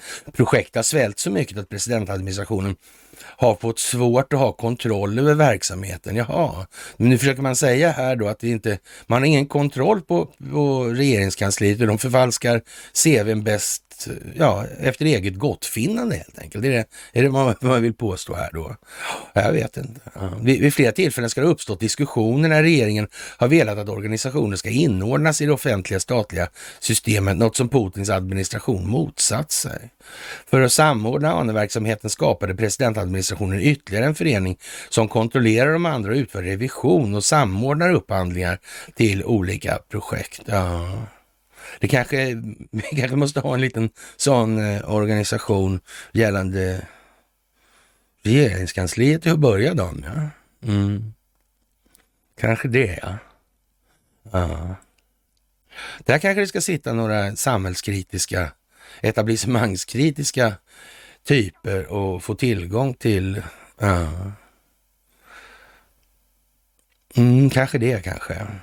Mm, kanske ska vara en hel stab med kontroll, kanske en hel Ja, en liten förening, jag vet inte. Att presidenten själv är delaktig i utformningen av flera projekt framgår också av dokumenten. I diskussionerna om olika projekts budget hänvisas till kommande möten med Vladimir Putin eller till redan fattade presidentbeslut. Mm. Ja, ja, och sen håller det på så här och, och vad, vad ska man säga egentligen? Det verkar på något vis som att Expressen försöker förmedla någonting här. Alltså. Ja. ja, det kan ju vara så alltså. Det är ju liksom en eh, analogi, analogi det här. På något vis. Mm. Faktiskt. Det verkar jättekonstigt. Att det, tänk att det är så konstigt i Ryssland alltså. Det är mycket mer långtgående än jag någonsin sett. Ja, ja jag vet inte. Mm. Ja, 15 redaktörer bara på en avdelning där. Mm. Martin Krag, han är seniorforskare och biträdande chef för Centrum för Östeuropastudier. Ja, jag vet inte. Det är han... Ja, jag vet inte. Mm. Det är han som har, inte har sett något liknande. Ja. Mm. Hela vägen från Kreml är organiserat är väldigt speciellt. Ja. Ja, han går, beskriver en utveckling där Ryssland går från att vara ett auktoritärt samhälle med skenbar demokrati till ett fullt utvecklat, fullt ut totalitärt samhälle. Men det är, oj, vilka ord alltså. Mm. Ett totalitärt samhälle kräver att du är öppet lojal. Eh, det är inte nog med att du eh, är tyst och inte opponerar dig. Du måste faktiskt delta i politiska organisationer. Vad var det han sa där? Rothstein. Om åsikterna inom akademierna verkar jättekonstigt. Skulle det där utrikespolitiska institutet där och, och ja, skulle det vara så korrumperat då? Ja, nej, det vet ju inte jag alltså. Nej, det är ju märkligt alltså. Vilken, eh, ja, nya regioner. Mm. Region Västernorrland kanske, vad vet jag. Ja, ja. Mm. Det är i alla fall speciellt alltså. Och, och jag vet inte om, om man, man, vågar sig på att säga att det är skrivet för, för svenska ögon här alltså. Mm. Och att kanske man ska göra den här liknelsen i huvudet själv alltså. Ja. Rikspolischefen 30 gripna efter hemlig avlyssning. Hon, hon är i full fart alltså på Petra Lund. Hon maler på alltså. Mm. Det finns tydligen att göra alltså. Mm. Mm. Och jag tror hon kommer släppa på det här vid tiden. Alltså det, hon säger ju det i alla fall att eh, i dagens eh, samhälle, samhällsutveckling tycker jag vi borde pröva allt som går. Och man, man får ställa det då emot, eh, väga integritetsintressen mot effektiviteten i det här. Och det är ju klart att om man ska geofensa och, och avlyssna ja, eh, institutionaliserade ligor som finns i statsapparaten, då kanske man inte ska tala om det innan, för det lär ju läcka då rätt ordentligt. Man kanske inte ska tala om för Säpo att man håller på med det där. Säpo ska inte veta det helt enkelt. Det är några berörda som håller på med det som ska veta, sen ska inte annars... Nej. Eller är det kanske ett tecken på den här effektiviteten? Kan det vara ett tecken på att det är en jävla massa korruption inom statsapparaten? Ja, svårigheten att få avlyssning på, eh, ja, på Swish-listan är tydligen inte så stor. Det har gått bra. Mm. På den nivån. Mm. Så vad är svårigheten här alltså? Vad är effektiviteten? Mm. Vilka är det man avlyssnar egentligen? Ja, man måste ställa sig frågan faktiskt.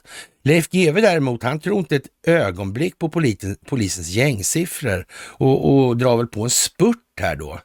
För, ja, jättekonstigt. Leif GW som missade det här med klänning i korridoren och allt sånt här. Och, och dessutom hade helt liksom tappat tappat det när det gäller Carl Perssons promemoria i kassaskåpet om Geijeraffären och Doris Hopp. Och det var konstigt nog pedofiler inblandade i båda de här casen.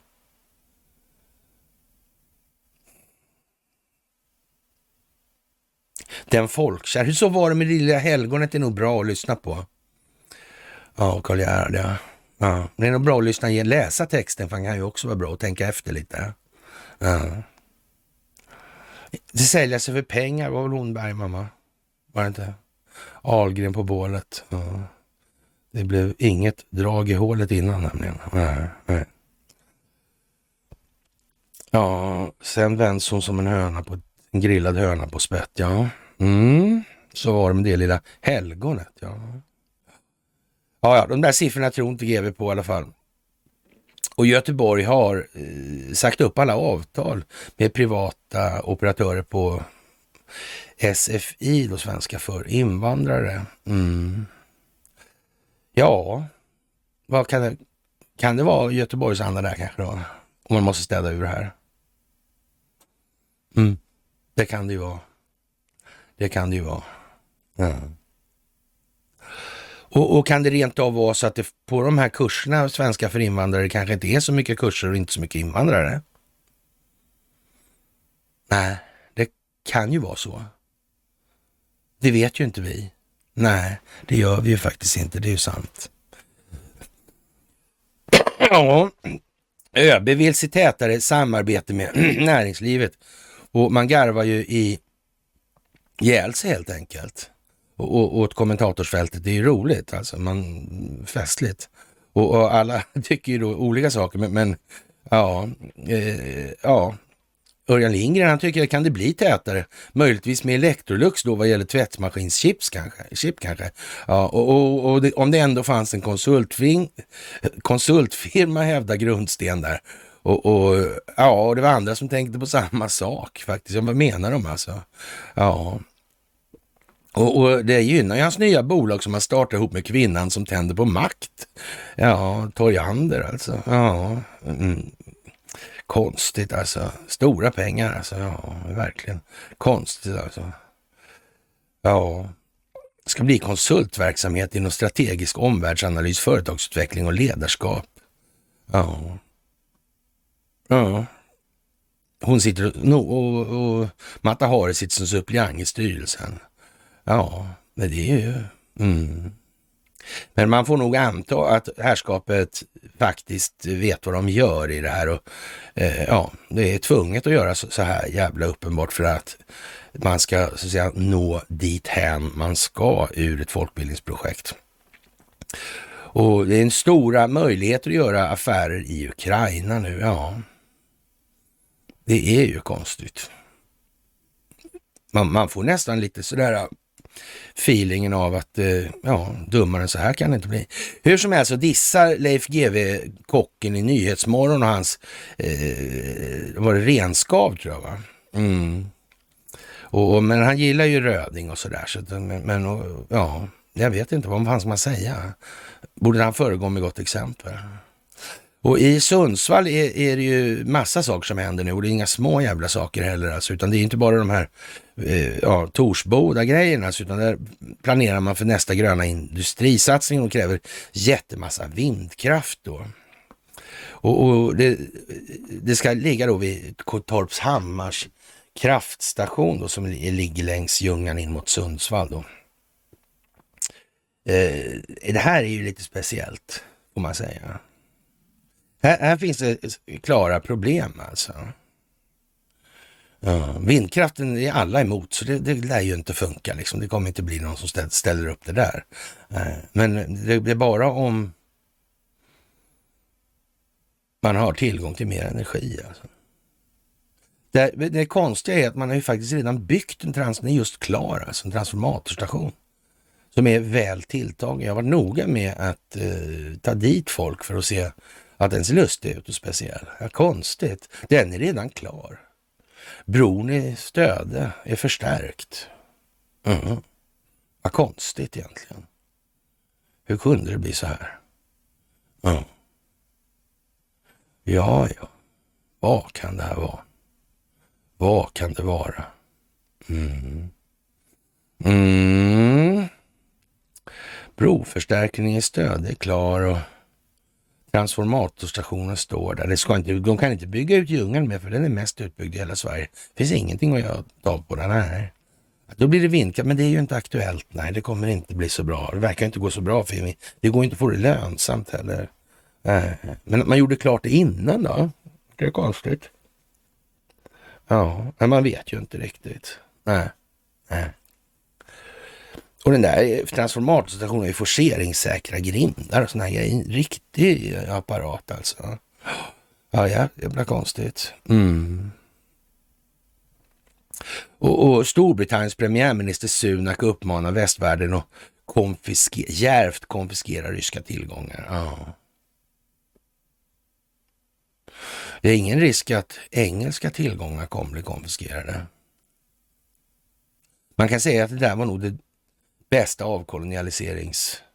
Och ingen kan ju klaga på honom för han är ju indier. Ja. Ja, ja. Ja, så kan det ju gå till. Ja. Och Renewed Cell ansöker alltså om konkurs. Mm. Nu är det väl så att Ortis gör en massa energi åt stan och åt Kubal. Pågår det inte något konstigt projekt där med Hitachi, Smedjebacken, något sånt där, någon jätteenergihistoria? Vad är egentligen det här för något? Mm. Det är konstigt alltihopa. Ja, kan det sitta ihop? Det kan nog göra det. Ja. Mm. Mm. Och att de ansökte om konkurs på söndagskvällen, så här extra, står extra, extra på Sundsvalls Tidning. Mm. Mm. Folk blev oroliga direkt. Ja, mycket speciellt alltså. Mm, modindustrin, ja. Ja. H&M var förresten största ägare. Det är väl ett modeföretag? Ja. Konstigt. Ja, jag har antytt lite att jag har en känsla av att det kommer inte gå så bra för H&M. Carl-Johan Persson här. Han skulle hålla sig till fik. Ja. Åhléns City kanske, jag vet inte. Eller kanske han skulle gett fan i det, jag vet inte. John Bolton. Ja, tänk vad konstigt. Mm. Ja. Och Donald Trump har ingen filosofi och han, han förstår ingenting. Han är helt trög i huvudet alltså. Ja. Han är helt hjärndöd enligt Bolton.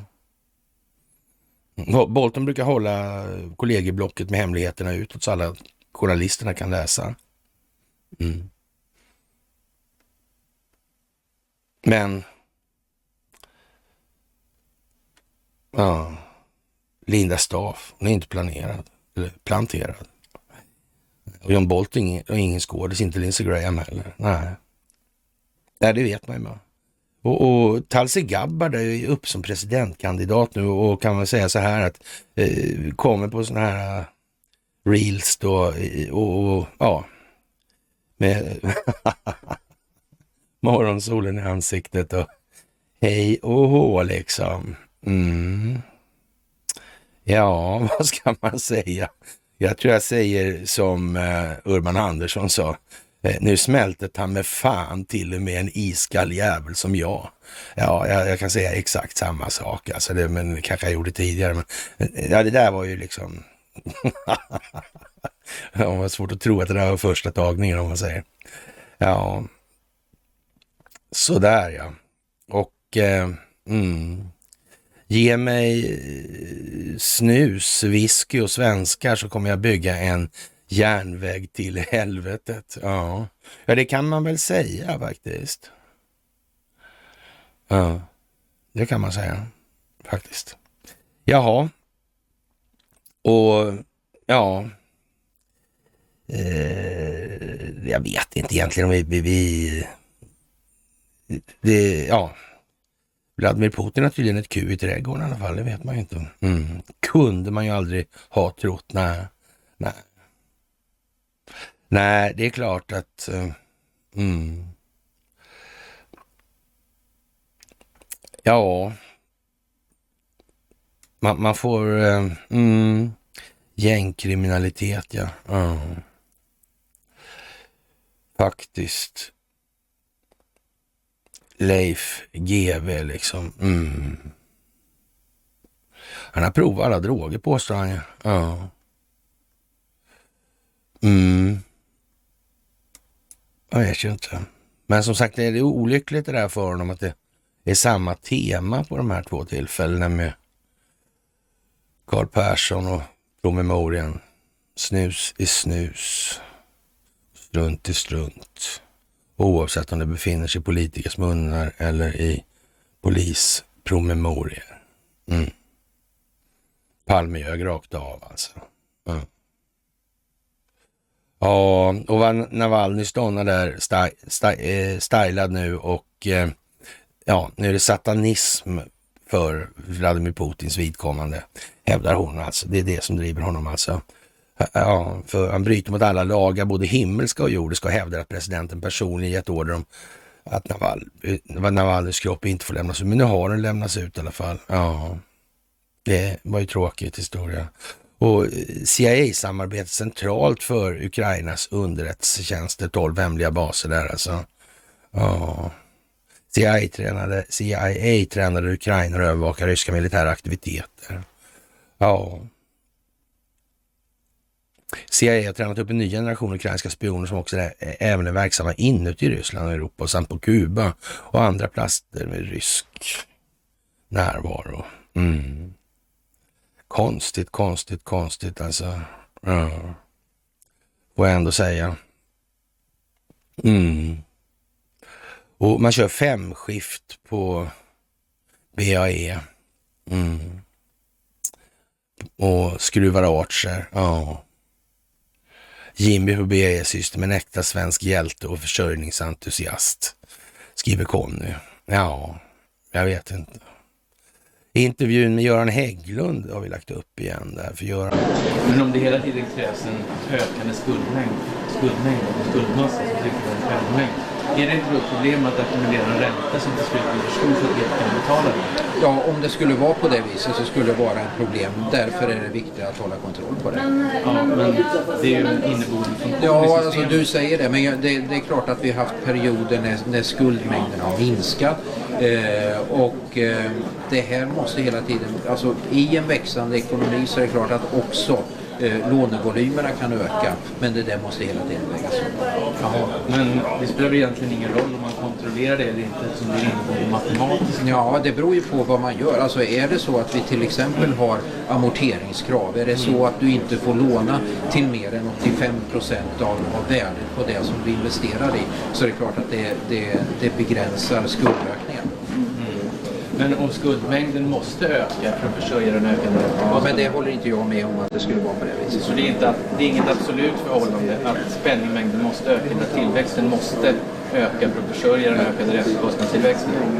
Ja, det, det, det där beror så mycket på så många andra faktorer om hur, hur ekonomin, alltså den ekonomiska politiken bedrivs, på Riksbankens roll och naturligtvis den internationella konjunkturutvecklingen. För att eh, vi har ju sett genom åren upp och nedgångar när det gäller lånevolymer eh, och eh, det regelverk som politiskt sett spelar en väldigt stor roll, förutom marknadens egna mekanismer, där vi ju i en konjunkturuppgång i regel har en, en högre räntenivå, en högre räntenivå och mer benägna att amortera. Så du ser ingen risk för att som IMF gick ut med häromdagen att systemet är skuldmättat, skuldmättat och kommer att haverera? Det ser du ingen risk för? Det går aldrig att utesluta det och därför är det så viktigt att man bevakar det här på olika sätt. Att de olika myndigheterna gör sitt, att Riksbanken gör sitt och att den ekonomiska politiken eh, lever upp till alla krav på att säkerställa en, stabil. Men om jag säger så här, pengarna skapas i bankerna.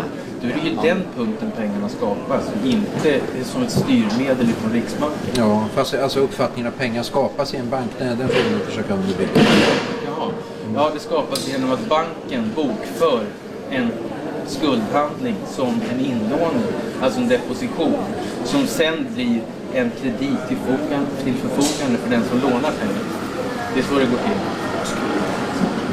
Men är det, som jag sagt tidigare så, så handlar det om den roll som Riksbanken har, den roll som, som statens olika myndigheter har och naturligtvis den ekonomiska politiken. Det här måste samverka för att minska riskerna, öka möjligheterna till en tillväxt i samhället men begränsa riskerna för att vi till exempel skulle hamna i en bubbelsituation för det vill vi inte ha och det är riskfyllt. Och för Sverige med ett stort bankväsende, stora utlåningsvolymer så finns det eh, risker som inte är obetydliga och här måste vi hela tiden vara på vår vakt. Så det är ingen Slut. Okej, tack.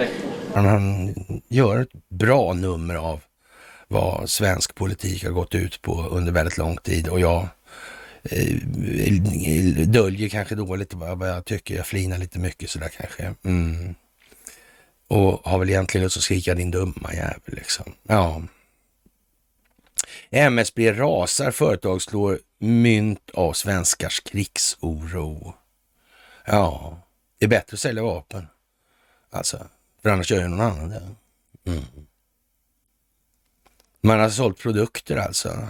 Ja, aggressiv marknadsföring med krislådor och vevradioapparater. Nu ryter MSB ifrån. Det gör mig väldigt arg att någon har skott sig på folks oro, säger risk och kriskommunikatören Anna Täljfors. Ja. Ja, det är ju dumt alltså. Och så kommer vi till Jannepanne. Ja, på bästa söndagstid.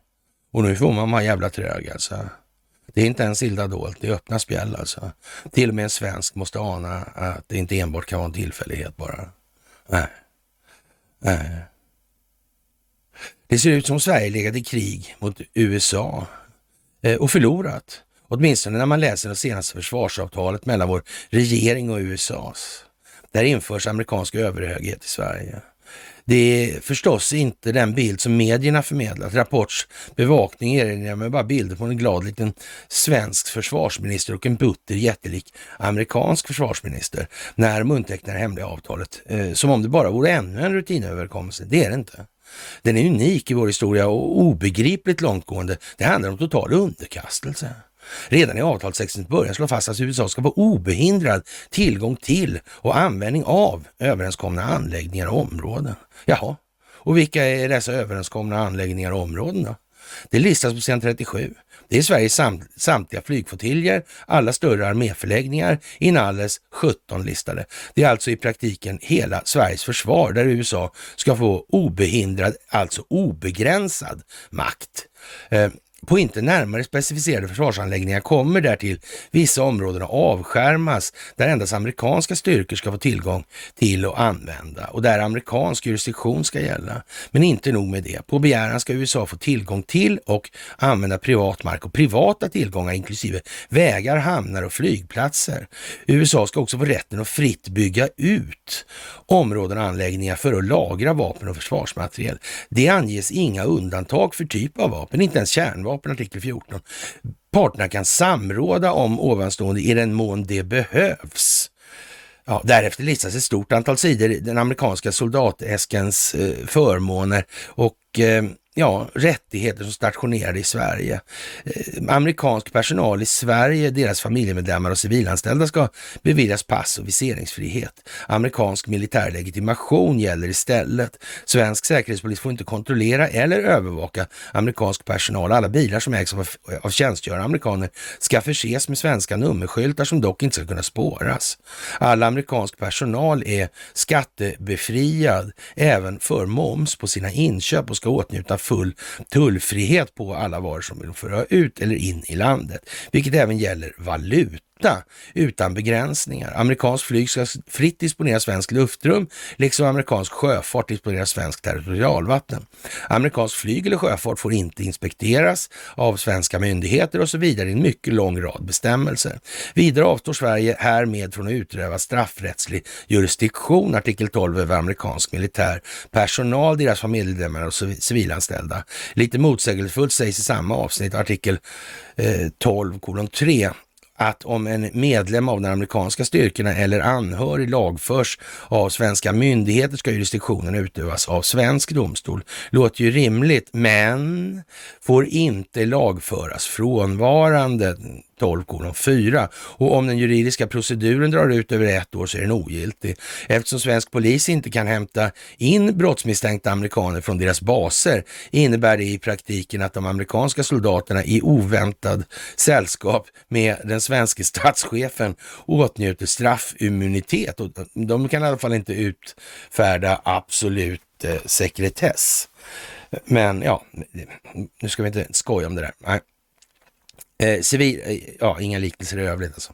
Civilrättsliga anspråk får inte riktas mot amerikansk personal, artikel 15 och så där håller upprökningen på ända ner till småsaker som befrielse av eventuella tv-avgifter, artikel 17.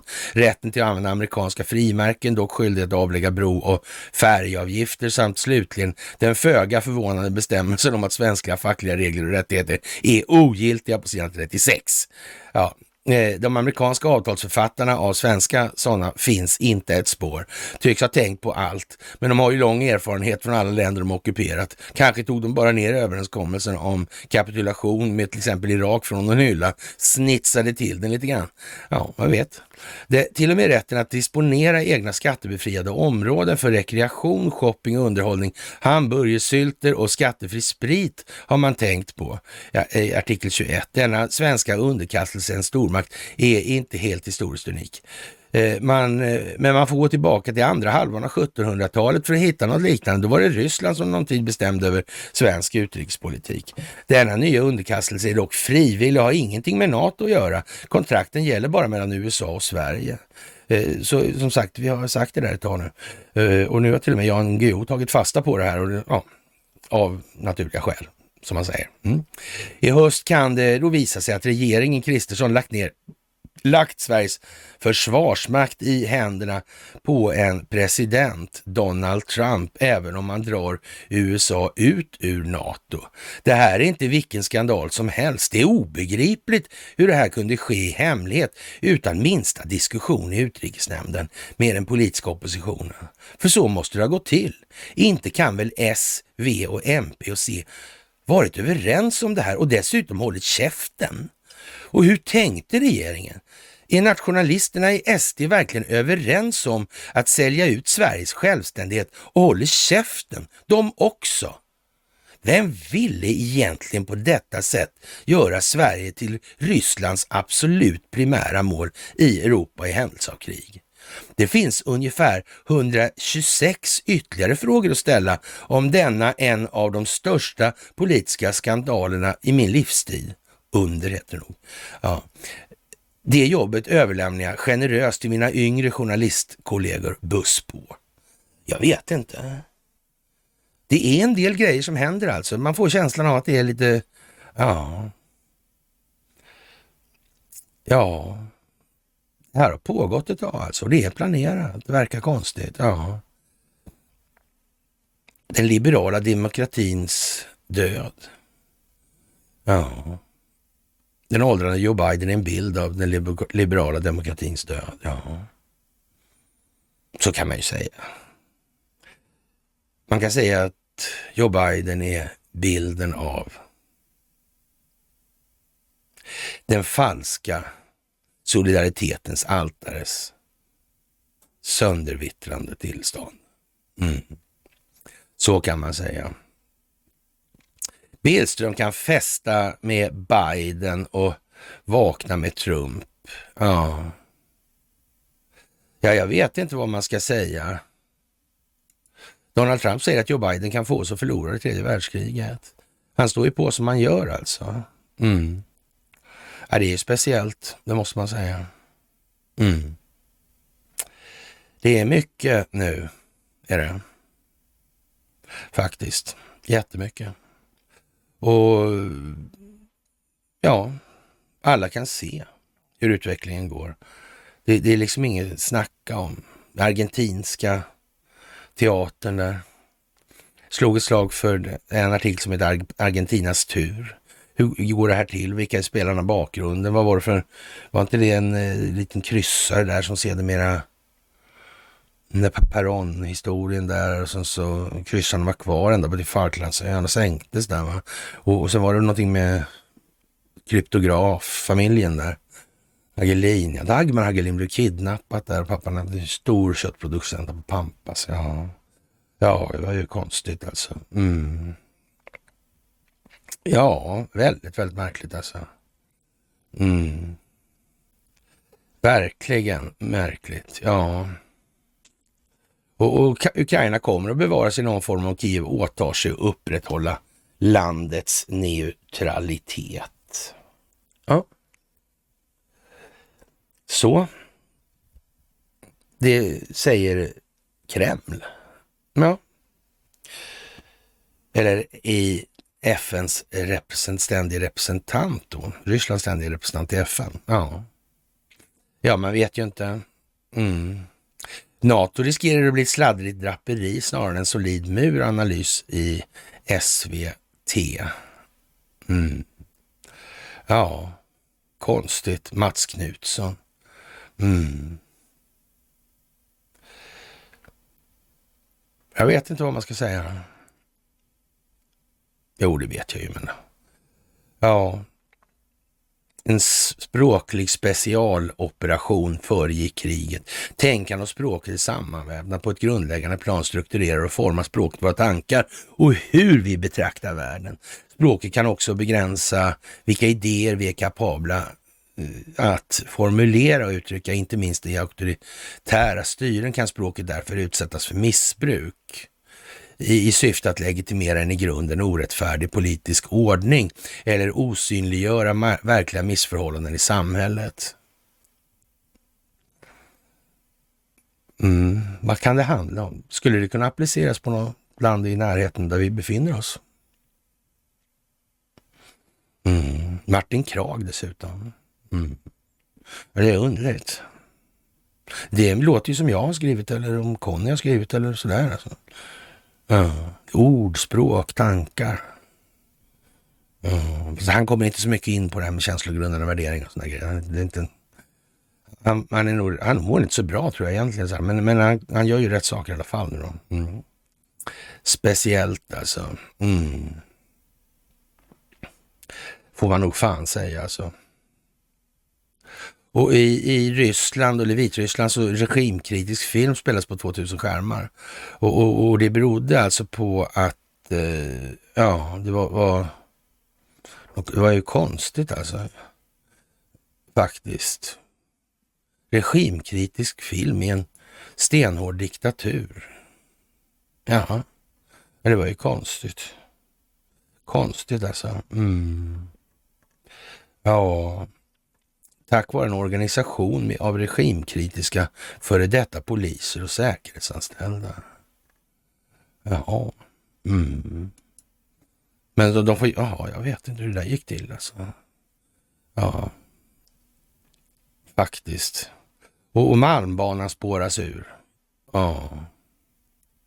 Ja, det är ju konstigt. Och statsministern talade, man, talade på manifestation i helgen då i Stockholm. Ja, och Eva Dahlgren uppträd, uppträdde. Och, och, ja, statsministern sa vi står på frihetens och demokratins sida. Den förbannade jävla Putin-jäveln, säger Eva Dahlgren. Ja, ängeln i rummet. Mm. Jag vet inte. Ja. Vingarna börjar bli sotiga. Faktiskt. Ja. Kinas raseri efter Säpos utpekande, Säkerhetspolisen utpekade, alltså, utpekande av Kina som ett av hoten mot Sverige, reta upp landet. Ett främt uttalande anklagar Sverige för att sprida desinformation och göra provocerande uttalanden mot Kina. Vi uttrycker starkt missnöje och resolut motstånd mot det här, skriver ambassaden. Jaha. Blev inte Sveriges förhållande till Kina, försämrades inte det där? Äh. Får man göra så? Är det hennes jobb? Mm. Jag vet inte. Det verkar konstigt. Alltså. Kanske Kina har något att säga om rutten demokrati. Mm. Man vet ju inte. Mm. Ja, nu senast då. Ja, etablissemangs... Anti-etablissemangs extremism. Ja. Konstigt. Väldigt, väldigt märkligt alltså. Ja. Och, och, USA har ingen chans att vinna även om USA stödjer hur mycket som helst. Det går inte, det är torsk. Ja, men vet inte, verkar verkar överallt det här på något vis. Jättemärkligt, jätte, jättemärkligt. Mm. Och Talsi Gabbard sprids på. Ja, och Judo Olympic delar filmer med Vladimir Putin som kastar. Ja. Konstigt. Mm. Och Donald Trump, han har ju i konkurs en massa gånger. Mm. Hur, hur, varför får man göra så i USA alltså? Ja. Det här med skulderna. Jättemärkligt. Ja. Märkligt, märkligt. Det är svårt att förstå. Mm. Och som sagt, eh, är åklagare och domare geofensade i USA så ska det nog gå bra att göra det i Sverige också tror jag. Och Tyskland legaliserar cannabis i helgen, ja. Mm. Och ja, två stycken flygplan, ja. Mm. US Air Force B-1B Lancer. Mm. Ja, det dras på alltså. Mm. Så är det ju bara. Mm. Jag vet inte vad man ska säga. Mm. Faktiskt. Stackars Sverige. Mm. Zelenskyj ska göra offensiv 24. Ja. Och amerikanska kongressen ja. säger att ABB vägrar att samarbeta. ABB säger att de samarbetar.